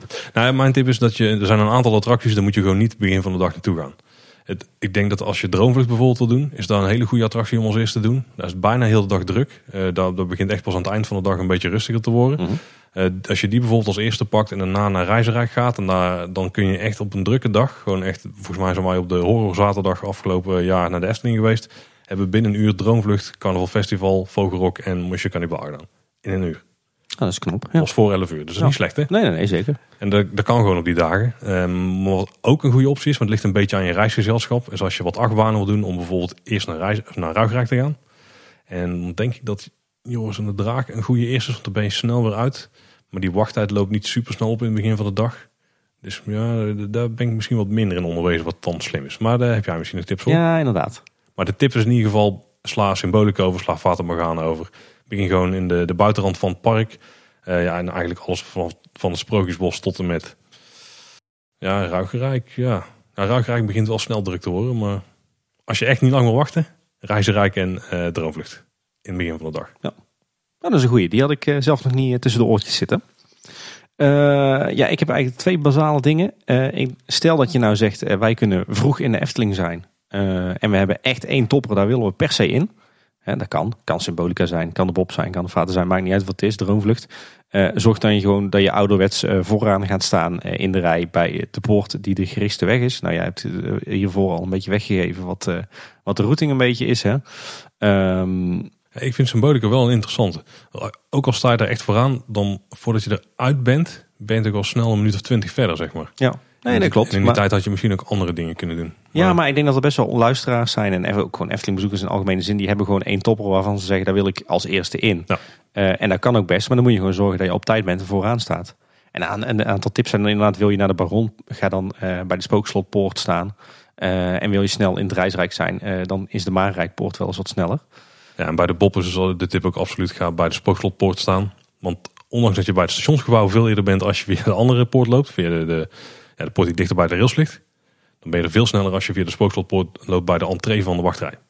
Maar dat is dus al, hè, als je, eh, dat is een situatie die zal je bij mij niet snel meer meemaken. Want dat betekent echt dat je eh, moet zorgen dat je er vroeg bent en vooraan in de rij gaat staan. En eh, daarna ook eh, gehaast die kant op kan lopen. En veel praktischer en misschien wel de belangrijkste tip vind ik eigenlijk, is start de dag altijd achter in het park. En deze werkt eigenlijk ook nog als je een kwartier na openingstijd aankomt. Dus sla altijd sowieso meteen de eerste poort rechts en links als je het park in bent gekomen over. Hè, links gaat naar het Sprookjesbos, rechts gaat naar Fata Morgana Bob. Ja, tenzij die al open zijn, dan kun je die van het Sprookjesbos nog wel pakken als een soort shortcut. Nou, ja, daar moet het zo maar eens over hebben. Maar ik, ik zou dat niet doen. Sla, sla die alsjeblieft over. Loop ook voorbij aan alle andere poorten. En zorg dat je de dag altijd begint in het Reisrijk of het Ruigrijk. En dan liefst ook nog in het Ruigrijk, omdat het als eerste druk wordt. Maar begin altijd achteraan in het park. Kijkende zeg maar vanuit de entree. Eh, en dat werkt eigenlijk zo in ieder pretpark, in iedere dierentuin, waar je ook naartoe gaat. Maar zorg dat je altijd achteraan in het park begint. Want mensen hebben intuïtief toch altijd de neiging om juist ja, de eerste de beste weg in te slaan en daar naartoe te gaan. Want ze staan al een half uur op Dwarrelplein naar Morgana te kijken. En ze zeggen, daar wil ik in. Terwijl de rest van de dag, na het eerste uur is er geen zak te doen in de Fata Morgana over het algemeen. Nee, dan is het max 20 minuten wachten en dan is het echt heel druk hoor. Ja, precies. Eh, dus zorg altijd dat je naar achteren gaat. En als je er gewoon voor zorgt dat je eh, rond openingstijd naar het Ruigrijk loopt, eh, of voor mij met een kwartier later, dan kan je daar echt in een uur tijd heel wat attracties aftikken. Zeker als je begint met, met, met de grote jongens waar snel wachttijd staat, zoals Vliegende Hollander en Joris en de Draak. En als je dat nou niet zo trekt, is het zeker ook een aanrader om eerst naar het Reisrijk te gaan. Waarbij de tip dan dus is, is maak niet de fout om de poort te pakken die zeg maar eh, rechts van Symbolica ligt, eh, die, eh, die voorheen richting Ruigrijk ging. Want daarmee kom je nu eigenlijk heel, heel onhandig uit op de, de spiegellaan die langs de gondeletten afloopt. En daarmee ben je eigenlijk overal ver vandaan. Dus wil je snel en efficiënt naar het reisrijk, loop dan via het Marenrijk. Dus, dus zorg in ieder geval ervoor dat je, dat je zaken als Sprookjesbos, Fata en ook Symbolica zeker niet aan het begin van de dag doet. Tenzij je dus echt vooraan staat. Ja, en dan daarbij wel de kanttekening dat je bij Symbolica sowieso best lang bezig bent vanwege voorshow. Uh, de poort moet open, of de deur moet open en dicht gaan voordat je daarin mag. Moet je beneden nog even wachten, moet je gaan zitten. ritje duurt gewoon wel een minuut of acht. Moet je er even uit. Dan ben je echt wel 20 minuten mee zoet. En in die tijd had je al droomlicht in kunnen gaan en al bij Vogelrok in de rij kunnen staan. Ja, precies. Dus, dus, wil je inderdaad je eerste uurtje efficiënt gebruiken. En in je eerste uurtje kun je heel veel doen als je de, als je de juiste dingen doet. Dan moet je inderdaad zeker niet in symbolica gaan. Want dan heb je gewoon, uh, ben je sowieso al een half uur van je tijd kwijt. En hetzelfde geldt ook voor Villa Volta. Duurt ook best lang voordat je er doorheen bent. En een beetje voor de Baron. Ja, dat duurt ook al gauw wel een kwartier. Maar ja, de, de, de vind ik het wel eentje die je misschien aan het begin van de dag wil doen. Zeker als de dag begint in Ruigrijk. Maar dan is bijvoorbeeld een aanrader begin dan inderdaad met Joris en de Draak en Python. Waar je zo doorheen bent en pak dan Vliegende Hollander Baron. Ja, capaciteit van de Vliegende Hollander is in theorie ook iets hoger. Maar dus dan gaat het wel iets rapper. Zeker omdat daar dan nog niet druk is. En al die mensen ja, die kunnen maar in alle attracties er staan. Ja. ja. en wat bij Symbolica ook nog wel eh, scheelt is dat daar ook op drukke dagen, wat later op de dag, staat daar misschien een half uurtje wachtrij. Als er een wachtrij voor de poort staat bij Symbolica. En die komt tot voorbij die, uh, die eerste waterbak, zeg maar, of dat waterplateau. Mm dan denk ik dat je die sowieso moet overslaan. Dan sta je daar zo lang in de wachtrij als wat je later op de dag ook daar gewoon in de wachtrij zou staan. Ja, dan kun je net zo goed dan overslaan en dan later een keer op de dag aansluiten, omdat je dan juist op dat moment andere dingen kunt doen. Begin van de dag is in ieder geval een goud moment om snel wat dingen af te tikken. Ja, inderdaad. En mijn tip zou dan zijn, doe dat dan dus in uh, Ruigrijk of Reizenrijk.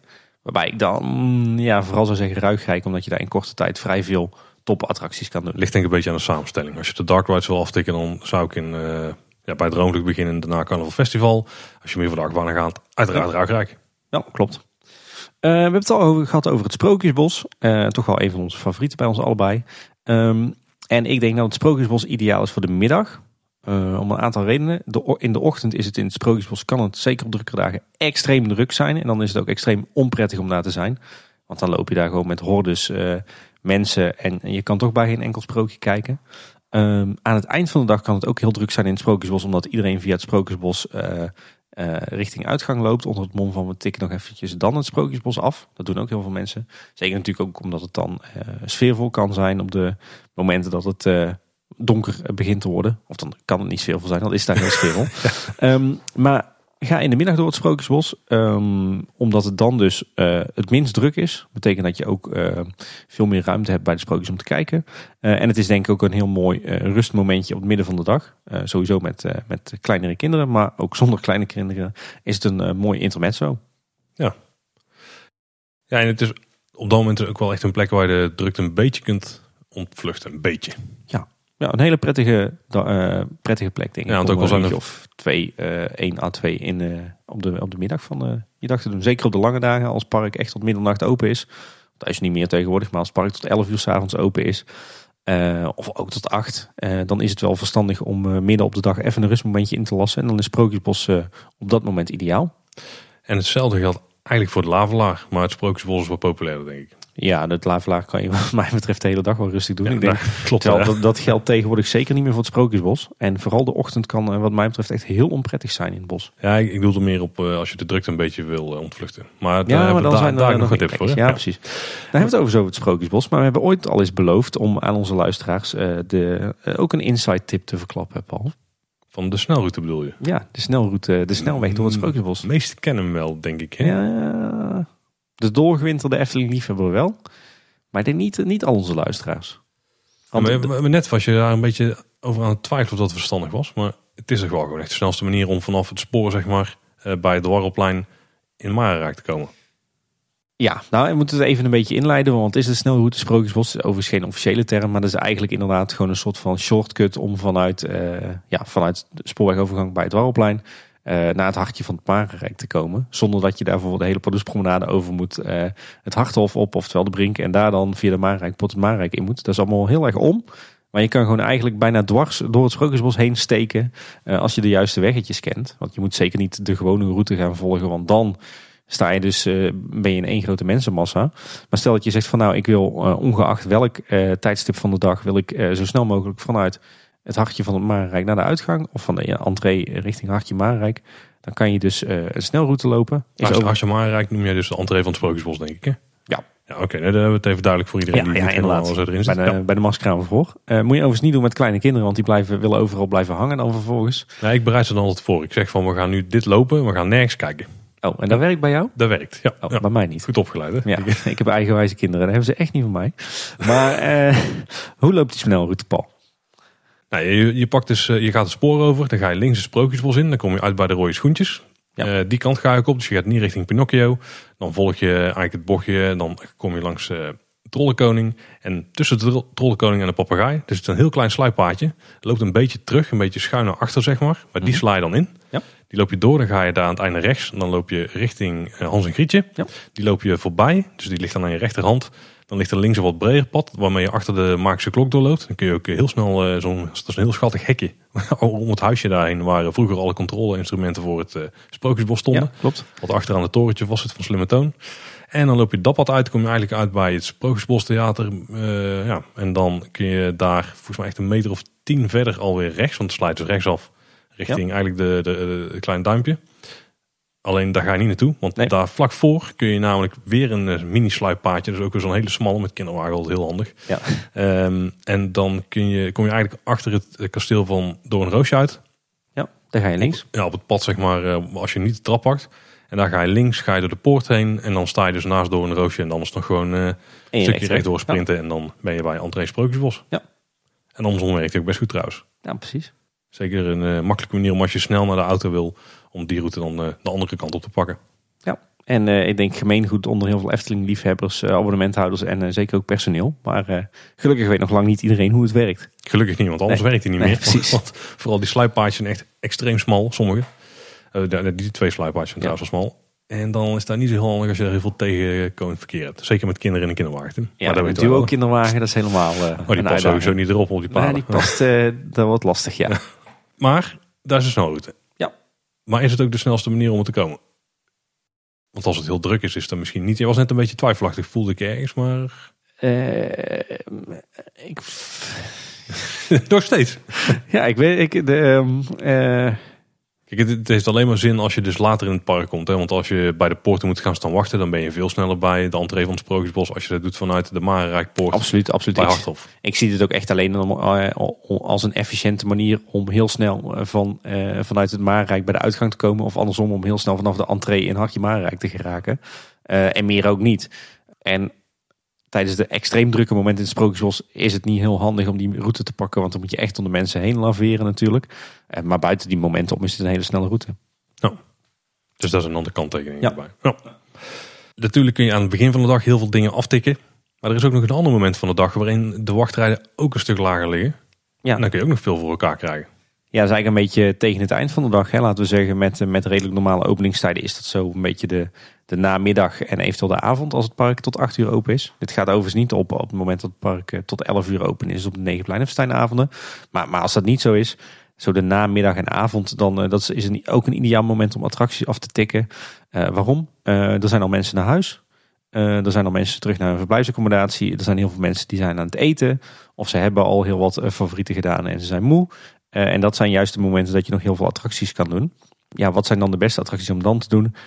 Gebruik daar even de Efteling app voor. Dan zie je Ja. welke attracties op dat moment minste wachttijd hebben. Ja, maar meestal worden dus attracties als Symbolica wat rustiger. En ook eh, eigenlijk alle dark rides worden wel wat Ja, rustiger. een droomvlucht, Fata Morgana. Ja. En achtbanen blijven meestal wel wat langer druk. Maar ook die meestal het laatste uur dat het park open is, kun je echt nog wel nou, een baantje of drie kun je nog wel pakken vaak hoor. Ja, absoluut. Eigenlijk kun je zeggen dat, eh, dat eh, wat de drukste tijd qua attracties in het park is, is eigenlijk na een uur na openstelling.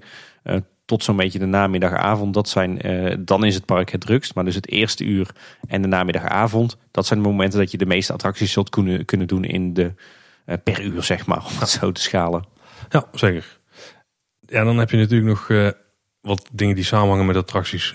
qua manier hoe je er gebruik van kunt maken. Dus een Ja. hele slechte inleiding voor een paar hele simpele concepten. Maar je hebt dus de single riders lane. Daar moet je absoluut gebruik van maken als je die kans hebt. Zeker op die, dus die drukke periode ja, die je net uitlegt eigenlijk. Ja. Die, die extreem grote window van drukke wachttijden. Ja. Als je de single rider eh, lines namelijk gebruikt, die zijn gewoon veel korter. De wachttijd ligt daar veel, eh, veel lager. Ja, en er zijn tegenwoordig steeds meer attracties met een single rider line. Ja, ja. En ik zie ook steeds minder bezwaren om die, eh, om die niet te doen. Kijk, als je die, die lijn pakt. Ja, ik moet eigenlijk zo zeggen, er zijn plussen en minnen. Het groot voordeel daarvan is natuurlijk dat je vaak een veel kortere wachttijd hebt. Ehm, nadeel daarvan is dat je eh, hoogstwaarschijnlijk niet naast diegene komt te zitten.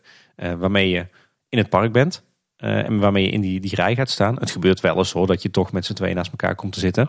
Maar goed, die garantie heb je zeker niet. Ehm, is dat een ramp? Ehm, als je daar eh, op een first date met een geliefde bent, is misschien niet heel handig om te doen. Nee, maar dan wachten misschien ook wel gezellig. Hè? Ja, precies, dat is waar. Het is ook niet handig als je met een kind gaat eh, wat nog begeleiding nodig heeft. Dan moet je ook zeker niet in de single rider line gaan, eh, gaan staan. Maar heb je daar nou geen eh, last van, tussen air quotes, dan, eh, dan kun je het natuurlijk zeker wel overwegen als je gewoon met, eh, met vrienden bent of je bent met, eh, met je, je partner en eh, die maakt er niet, een niet al te groot issue van. Dan kun je natuurlijk prima in zo'n single rider line staan. Want eigenlijk de hele wachttijd sta je toch met elkaar in die rij. Alleen je zit wellicht niet met elkaar in hetzelfde achtbaantreintje of in dezelfde boot. Nee, en er zitten misschien één of twee voertuigen tussen en dan ben je ook weer buiten. Nou, Ja, die precies. wachttijd die heb je Ja. prima gewonnen dan. Ja. En het is natuurlijk ook de perfecte manier dat als je met een grotere club bent en jij bent de enige die een attractie wil doen, dan Ja, is het super voor de hand om op die manier die attractie te doen. En hoeft de rest ook niet zo lang te wachten op jou. Alhoewel het niet altijd zo is dat je heel veel sneller bent dan de reguliere wachtrij. Hè? Dat wisselt Nee, ook per attractie. Ja. Maar je kunt het in de app ook weer zien. Eh, als het, eh, meestal is een single rider line, nou, ik denk toch wel een kwart van de normale wachttijd. Zoiets. Een derde tot een kwart, denk ik. Ja, ik vind dat, al- dat is bij Symbolica en Baron 1898 toen niet hoor. Nou ja, nou, als het echt druk is, wel hoor. Hmm. Maar als het inderdaad als de wachttijden wat gemiddelder zijn, dan, dan ligt het meer rond ongeveer de helft. Maar als het boven de helft komt, het verschil, dan kun je er bijna van uitgaan dat het niet sneller is om erin te gaan staan. Ja. Ook al staat die tijd als aangegeven. En nadeel is overigens wel dat je niet altijd de hele beweging, eh, beleving meepikt. Hè? Want soms sla je, sla je voorshows over. Ja, bij de Vliegende Hollander is dat misschien nog wel het meest vervelend. Want dan mis je daar heel de wachtrij die daar gewoon wel echt de moeite is. Dus ja, als je de optimale beleving wil, dan zou ik zeggen, pak dan de gewone wachtrij. Maar eh, wil je gewoon een ritje maken, overweeg zeker de single rider line. Ja, en wat nog een andere optie is, en dan kun je wel met z'n allen tegelijk, is als je bij de Python de boardingpas gebruikt. Ja. Want dat is ook nog wel echt een gouden tip. Als die boardingpas vroeg al aanstaat, en je staat dus in de wachtrij bij Joris en de Draken bij het Vliegende Hollander, boek gewoon alvast een tijdslotje voor eh, de boardingpas van de Python. Dan kan het goed zijn dat je die attractie kunt lopen waar je op dat moment in de rij staat en dat je gewoon meteen met je boardingpas kunt doorlopen. Ja. Dan heb je het echt goud gepland. En lukt het nou niet, nou dan doe je nog even gauw een eh, rondje in eh, de oude tuffels of je gaat een halve maan. Want ook die is in de ochtend heel erg rustig. Ja, so- sowieso het hele ruigrijk Ja. eigenlijk, hè, de eerste uur. En dan, dan kun je echt super veel aftikken in het begin. Ja, en ben je bijvoorbeeld met een, met een klein kind, is zeker ook de baby switch een aanrader. Het is af en toe wel eens een puzzel hoe je dat nou precies moet insteken, bij welke medewerker en waar je je moet melden. Eh, maar in principe gaat dan eerst eh, de ene ouder erin en blijft de andere ouder buiten met de baby staan. Ehm, en vervolgens eh, wissel je, en meestal krijg je een kaartje mee, en dan mag de andere ouder erin via de uitgang. Eh, dus dan heb je weliswaar weer niet die volledige be- eh, beleving met voorshows. Want dat is eigenlijk bij bijna alle attracties waar baby switch is. Daar sla je, zo, sla je alle voorshows over en mag je de wachtrij. uitgang naar binnen. Ja, ja. En eh, dan kan de andere ouder er ook nog in zonder te wachten. Ja. En eh, als je met, eh, met een groter gezelschap bent, dan eh, wil het ook wel eens werken. Als je ondanks dat, eh, dat je vrienden geen kinderen hebben, als je toch aangeeft dat je kinderen hebt, want dan krijg je nog steeds gewoon een babyswitch kaartje. Hey, ik heb een, een vraag voor jou, Tim. Ja. Wat zijn de beste attracties om te doen met lange wachtrij? Die moet je even uitleggen, die vraag. Stel, je hebt alleen maar keuzes uit attracties waar een lange wachtrij staat. Ja. Welke zijn dan de beste om te doen? Ik denk namelijk dat de Vliegende Hollander best wel hoog op de lijstje staat. Ja, jij wil eigenlijk zeggen, waar is de, de wachtrijbeleving het prettigst? Ja, misschien is dat wel. Waar is wachten de moeite? Ehm, Vliegende Hollander, zeker, Ja, absoluut. Ja, Ik vind eh, Baron 1898 ook best wel prettig wachten. ja. Eh, ja, tegenwoordig wel. Ja. In het begin was dat echt een drama. Maar nu met die hutjes erbij is het wel leuk. Ja. Ja, dat is mooi. Eigenlijk mooie landscaping, veel details. eh staat er best wel prettig. Eh, Symbolica vind ik op zich ook nog best wel gaan. Ja. Ook, eh, sta je ook lekker in het groen. Over het algemeen in de schaduw is ook veel te zien. veel gedaan aan aankleding, thematisering. Joris en de Draak is ook redelijk. Dus vooral omdat Ja. die treintjes daar zo voorbij komen razen, zeg maar. Ja. En dat alles om je heen dan begint te trillen. Ja. Dat bouwt de spanning wel aardig op. Ja, dan had ik natuurlijk een heel tof sfeertje daar in, die, eh, tussen die banen. Ja, en tegenwoordig is de wespenplaag ook een eh, stuk teruggedrongen. Dus daar wacht wel een stuk Ja. prettiger. En je staat ook niet meer in de plassen te wachten. Ook dat scheelt. Ja, Maar vooral het laatste stuk daar, die laatste slinger, zeg maar, door het moeras. is heel tof. Ja. Ehm, ja, dat, er staan nooit lange rijen en ik zou er niet in gaan, niet gaan staan wachten. Maar Pannendroom heeft ook gewoon een prima wachtrij. Ja, absoluut. Eh daar kun je ook wel, wel mooi om je heen kijken. Ja, ik moet zeggen dat ik Vogelrok sinds, eh, sinds de, de verbouwing ook best wel aangenaam vind. Eh, mooi, heeft ook een mooie wachtrij. Ja, het eerste stuk. Ja. Het station zelf is nog steeds eh, een beetje treurig. Beetje maar, terug. Ja, precies. maar de effecten daar die zijn wel oké. Als je er niet zo vaak komt, dan is het ook wel prima wachten. Ja. En daar sta je ook nooit heel lang. hè. Als je in die wachtrij, als je in dat stuk komt, dan sta je er max 20 minuten. Ja, klopt. En lekker cool.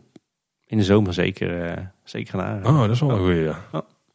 Oké. Ja, en een belangrijke tip die ik heel graag zou willen geven, en die, die sluit eh, heel erg aan op dat don't fight the problem en eh, geniet vooral van de dingen die je wel kunt doen, is is het nou eens druk? Doe dan juist die dingen die je anders niet zou doen, maar die zeker de moeite waard zijn. Eh, en de- dus op de allerdrukste dagen zelfs nog steeds rustig zijn. Denk bijvoorbeeld aan het spookslot. Dat is echt een pareltje, dat, dat- daar staat bijna nooit wachttijd en die, ja, die kan je dan eens een keer bekijken.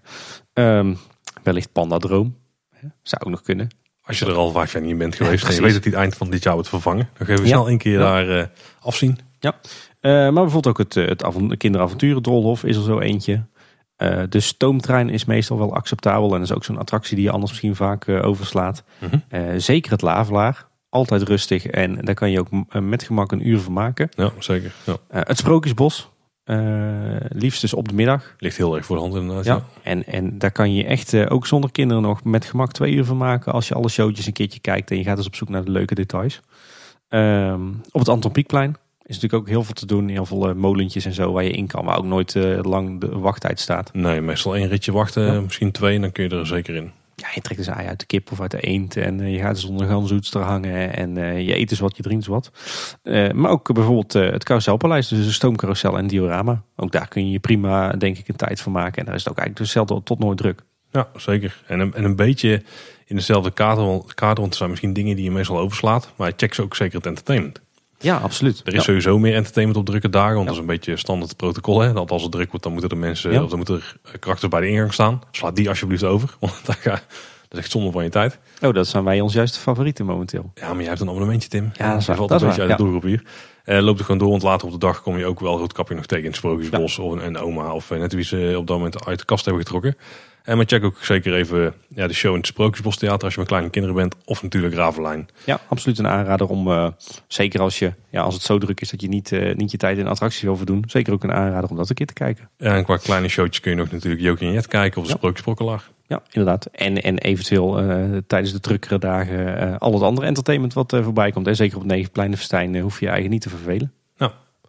Zullen we eens doorgaan naar de horeca? Ja. Want daar is denk ik de allerbeste tip. Ga niet op spitsuur eten. Nee, inderdaad. Zorg ervoor dat je echt buiten etenstijd om eet. Dus dat Ja. kan eerder of later zijn dan de reguliere eettijden. Ja, nou dat was eigenlijk de tip.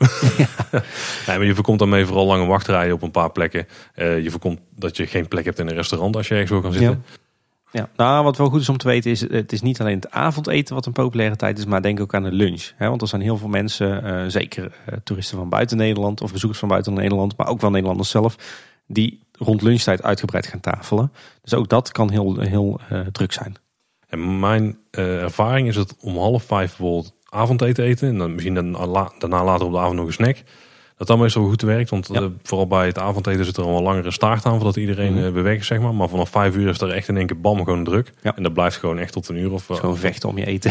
Nou ja, zeker eh, als je bijvoorbeeld bij eh, station De Oost staat. Ja. Ja. dat moet je gewoon niet doen. en het, het witte paard kan ook zo extreem druk zijn op Ja. de hele drukke dagen. Nee, ik denk inderdaad dat is ook een beetje onze tactiek. En dan, dan kijk ik met name naar de, de negen pleinenfestijnavonden. hè, Want dat zijn toch de avonden waarop het vaak qua horeca echt eh, heel nijpend wordt. Inderdaad wat jij zegt, zorg ervoor dat je, dat je ja, half vijf, uiterlijk vijf uur gaat eten. Eh, en natuurlijk heb je dan eh, rond een uur of acht begin je weer honger te krijgen. maar dat is een prima excuus om dan nog even een, eh, een kleine snack te pakken. En later op de avond misschien nog eens een ijsje. Ehm, dat is best lekker. En ook leuk voor de omzet van de Efteling. Maar dat is de tactiek die wij altijd hanteren. Ja, wat ook best goed werkt is als je een beetje kijkt naar de eetgelegenheden die meer aan de randen van het park liggen. Dus niet echt op de looproutes. Die zijn meestal iets rustiger. Bijvoorbeeld de Gulden Gaard is echt zo'n weggestopt ding. Maar dan kun je Ja. prima lunchen. Ja, absoluut. Eh, Ehm, Octopus denk ik ook. Is ook een, Ja, eh, ja, die is ook goed weggestopt. Ja. Al ligt hij dan wel niet echt aan de rand. Eh, maar ook als je gewoon een dunner of zo wil, dan is de Oasis best wel een prima Ja. plek. Want daar gaan weinig mensen echt zitten om te eten. Meestal daar een ijsje. Ja. Ehm, en wat ook best wel een prima plek is, is Panorama eh self-service. Mhm. Die is meestal rustiger dan eh, het Witte Paard. Omdat hij Ja. iets meer uit de loop zit. Ja, ik denk dat de toppers qua horeca in de zin van waar het, eh, waar het op drukke dagen heel druk wordt. Dat zijn inderdaad plekken als eh, de Steenbok, de Smulpaap, het Witte Paard, eh, Station de Oost. En wat is jouw ervaring van als je een snack wil, zeg maar friet met een snack? Wat van welke van de snacklocaties zou je dan aanraden? Ik denk dat de smulpaap uiteindelijk wel de rustigste is. Uiteindelijk denk ik dat de Smulpaap degene is waar in ieder geval het meest efficiënt wordt gewerkt. Ja, die hebben ook vier loketten. Ja. Met Dan zou, ik, dan, dan zou ik altijd aanraden om naar de Smulpaap te gaan. Ja, dat denk ik ook. De Oost is sowieso het allerdrukste. Ja. Steenbok ligt een beetje aan de timing.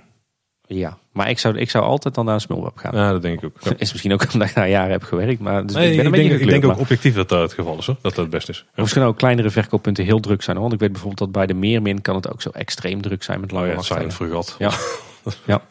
Ja, maar dat is ook omdat dan gewoon drukke plekken in het park zijn. Wat, eh, wat trouwens een tip, van, een tip van mij is als je dus in het Marenrijk eh, gaat eten, bijvoorbeeld bij eh, de Smulpaap. ehm, wat misschien niet de meest hoogstaande culinaire beleving is, maar, maar wel lekker Oh. snel en best prima. Best Een lekker. staafje. Hoort er, voor- hoort er voor mij eigenlijk ook altijd wel bij, zeker om Negenpleinensteinavond. Of was het een verlepte bamenschijf? Een, lekker zompig. Oh, een zompige bamenschijf. Liefst eentje die al een uur in de muur ligt. Ja, die. Drie. Precies. Oh, drie. Ja, En dan, ja, drie kan ook. een lekkere klodder mayo, mayo erbij. Hè? Ja lekker. Ehm, maar wat dan, eh, dan is het wel is moeilijk om, eh, om eh, zitplek te vinden. Maar wat, wat wij altijd met, met onze groep vrienden een heerlijke plek vinden om te eten, is de tuin van het museum. Daar, staan, nu wel een stuk achtbaanrails naar Oude Tuffer. Dus ik weet niet meer of we daar deze zomer weer tafeltjes gaan zien verschijnen. Maar voorheen was het in ieder geval altijd zo dat daar tafeltjes en stoeltjes stonden. En daar kwam gewoon niemand. Dus dan kon je gewoon heerlijk uitgebreid tafelen. En je kunt natuurlijk ook in het Lavelaar een van de vele bankjes pakken. En daar is het ook altijd rustig. Ja, zeker. Ja, wat ook nog een goede tip is, is als je je eten wel langer kan uitstellen. Om hem na sluitingstijd te eten. Ja, maar geldt- dan wel even de kanttekening. eh, Dus als het park tot 6 uur open is. Hè? Ja, volgens mij ook als hij tot 8 uur open is. Dan kun je vaak ook nog wat langer blijven zitten. Ja, maar dan wordt het toch wel nijpend qua avondeten, vind je? Ja, maar dan kun je ook een snackje pakken. Hè, tussendoor. Ja, dat is waar. Dat is Want waar. als je iets uit de muur trekt, is het altijd efficiënt met wachten. Ja, dat is Die waar. heb je altijd snel te pakken. Als het in ieder geval... Zeker als met contactloos betalen. Ja, ideaal, ideaal. Al veel misbruik van gemaakt. Eh, ja. Maar in ieder geval, er zijn een paar restaurants die zijn langer open.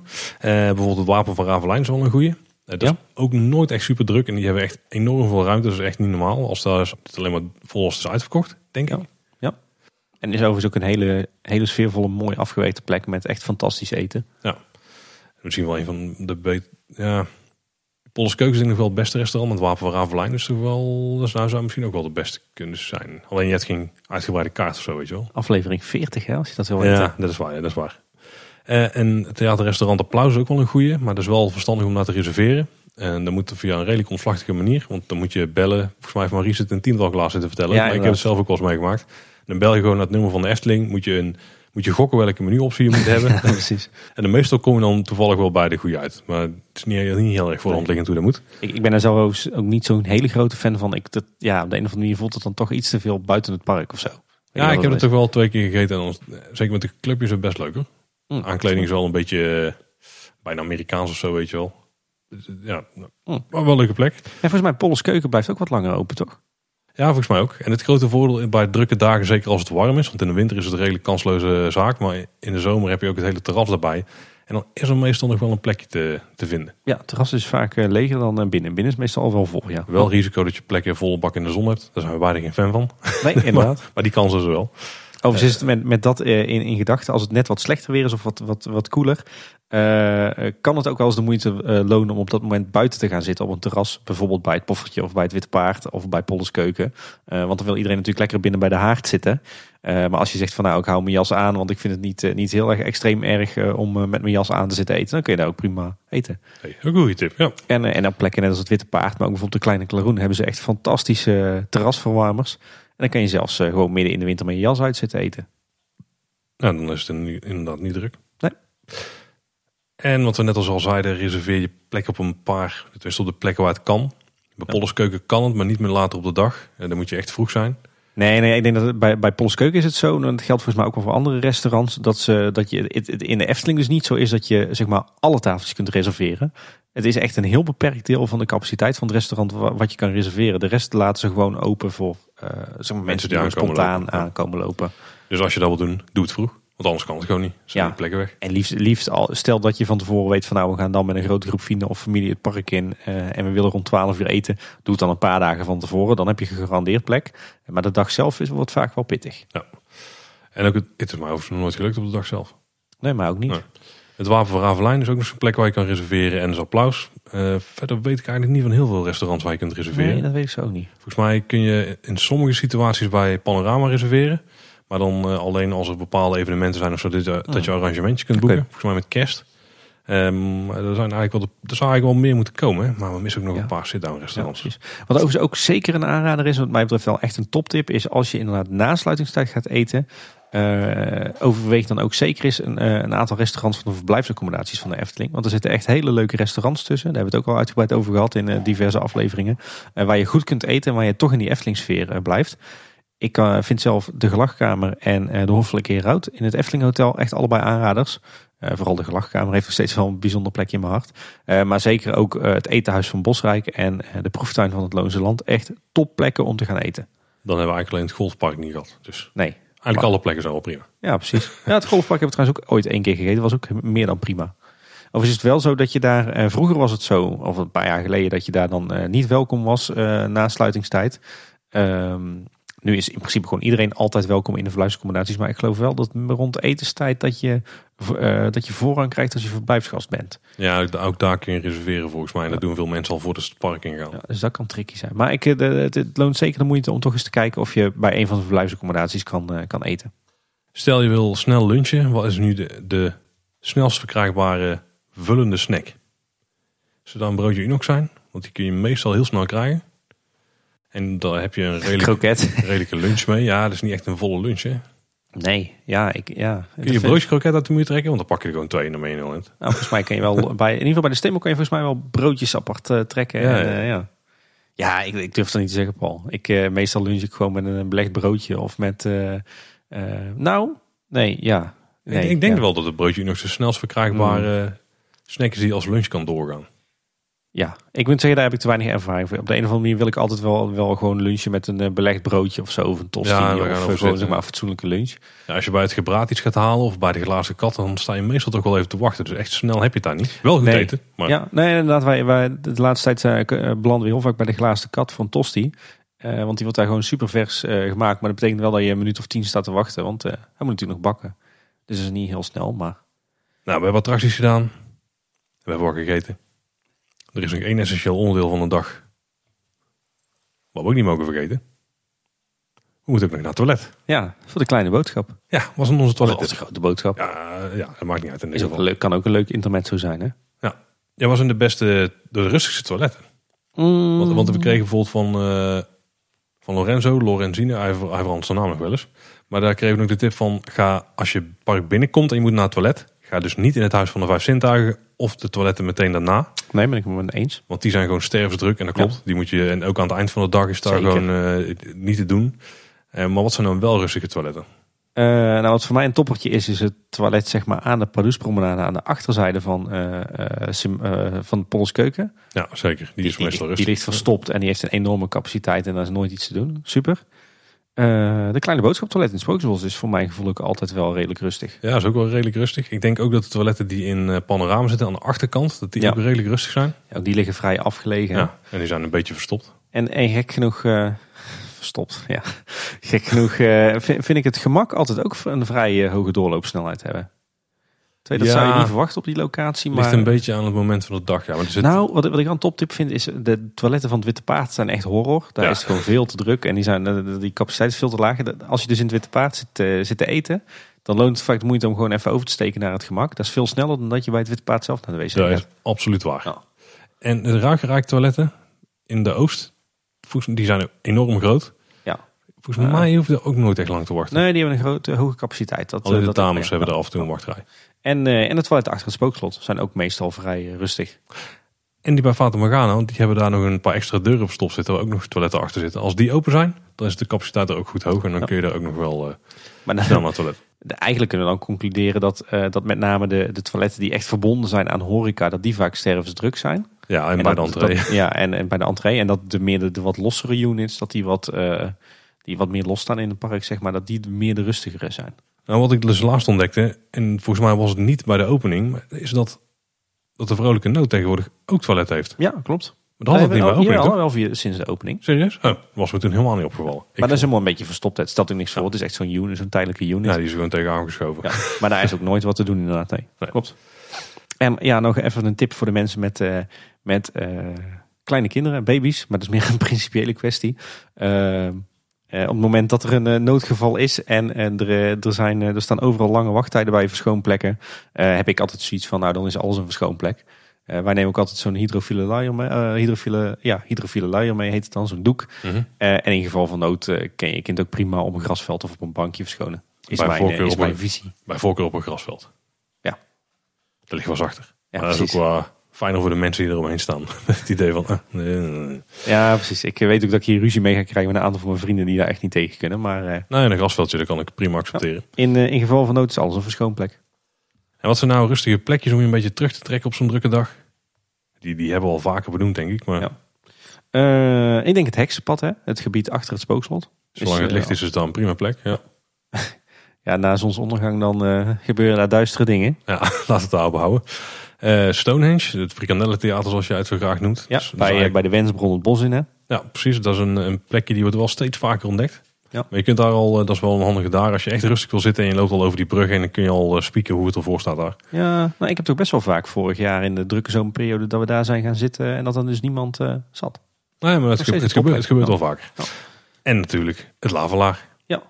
Klopt. En eh, in de tuin van het Efteling Museum, of het Efteling Museum zelf is trouwens ook altijd rustig. En wat ook nog wel een rustige plek is, maar daar kun je niet echt zitten. En dat is het pad rondom de Vondelplas. Dus als je bij Vater Morgana naar achter loopt Ja. richting het eh, Efteling Theater. Ja, en de wandelroute achterlangs, zeg maar, vanuit Joris en de Draak richting Fata Morgana. Dat is ook ja, nooit dat is wel een gouden plek. Maar daar kun je niet zitten of zo. Dus kun je Eh, in het gras kun je daar liggen. Ja, dat is waar. Ja, dat is waar. Ja, we hadden ook nog een paar tips gekregen van luisteraar Lorenzo, noemde hem net al. Ja, de, de, die had ook nog een, een hele lijst met tips. Tien tips trouwens. Dus eh, Lorenzo, eh, super bedankt daarvoor. De meeste van jouw tips eh, hebben we al wel verwerkt in de aflevering. omdat we die zelf ook wisten. Maar nog op zich nog twee interessante punten. waar, we niet over, waar we zelf niet over hadden nagedacht. Is het, het stukje merchandise. en dan met name de Efteldingen. Lorenzo schrijft, loop nooit aan het eind van de dag de Efteldingen binnen. Want dat is één grote chaos. Klopt, dat is ook mijn ervaring. Dus eh, wil je wat merchandise eh, uit de Efteldingen... Probeer het dan wat meer midden op de dag te doen. Ja, wat je ook kunt doen is bij een andere winkel kopen om het, eh, hoe heet het? Souvenir Express. Ja, naar eh Efteling te laten brengen. Nee, of naar de gastenservice. Nee, dat is tegenwoordig bij de, de uitgifte van de wandelwagens komt dat terecht. Ah, oké, daar, ja. ja. Ja. Maar dan kun je dus ergens spullen kopen in het park en die worden dan gewoon naar de uitgang gebracht. Kun je ze daar oppikken, hoef je niet heel Ja. erg mee te sjouwen. Maar dat kan maar tot een bepaalde tijd. Dus Tot moet je even, uur volgens mij. ja, check even van tevoren inderdaad. En hij geeft ook aan als, eh, als Aquanura je nou niet zoveel interesseert. eh, overweeg dan ook eens, hè, en om dus niet eh, veel langer te blijven wat we eerder hebben gezegd. Maar overweeg dan ook om net voor Aquanura weg te gaan. Want het grootste deel van de mensen die het park uitlopen blijven dan toch even plakken bij Aquanura. eh, als die, zeker als hij bezig is. Dus als je tijdens Aquanura weggaat dan is het over het algemeen wat rustiger. Nou, goede tips. Ja Paul, dat was het volgens mij wel eh, qua tips voor drukke dagen toch? Nou ja, we kunnen misschien ook nog wel even refereren ehm, naar een aflevering van Ochtend in Pretparkland.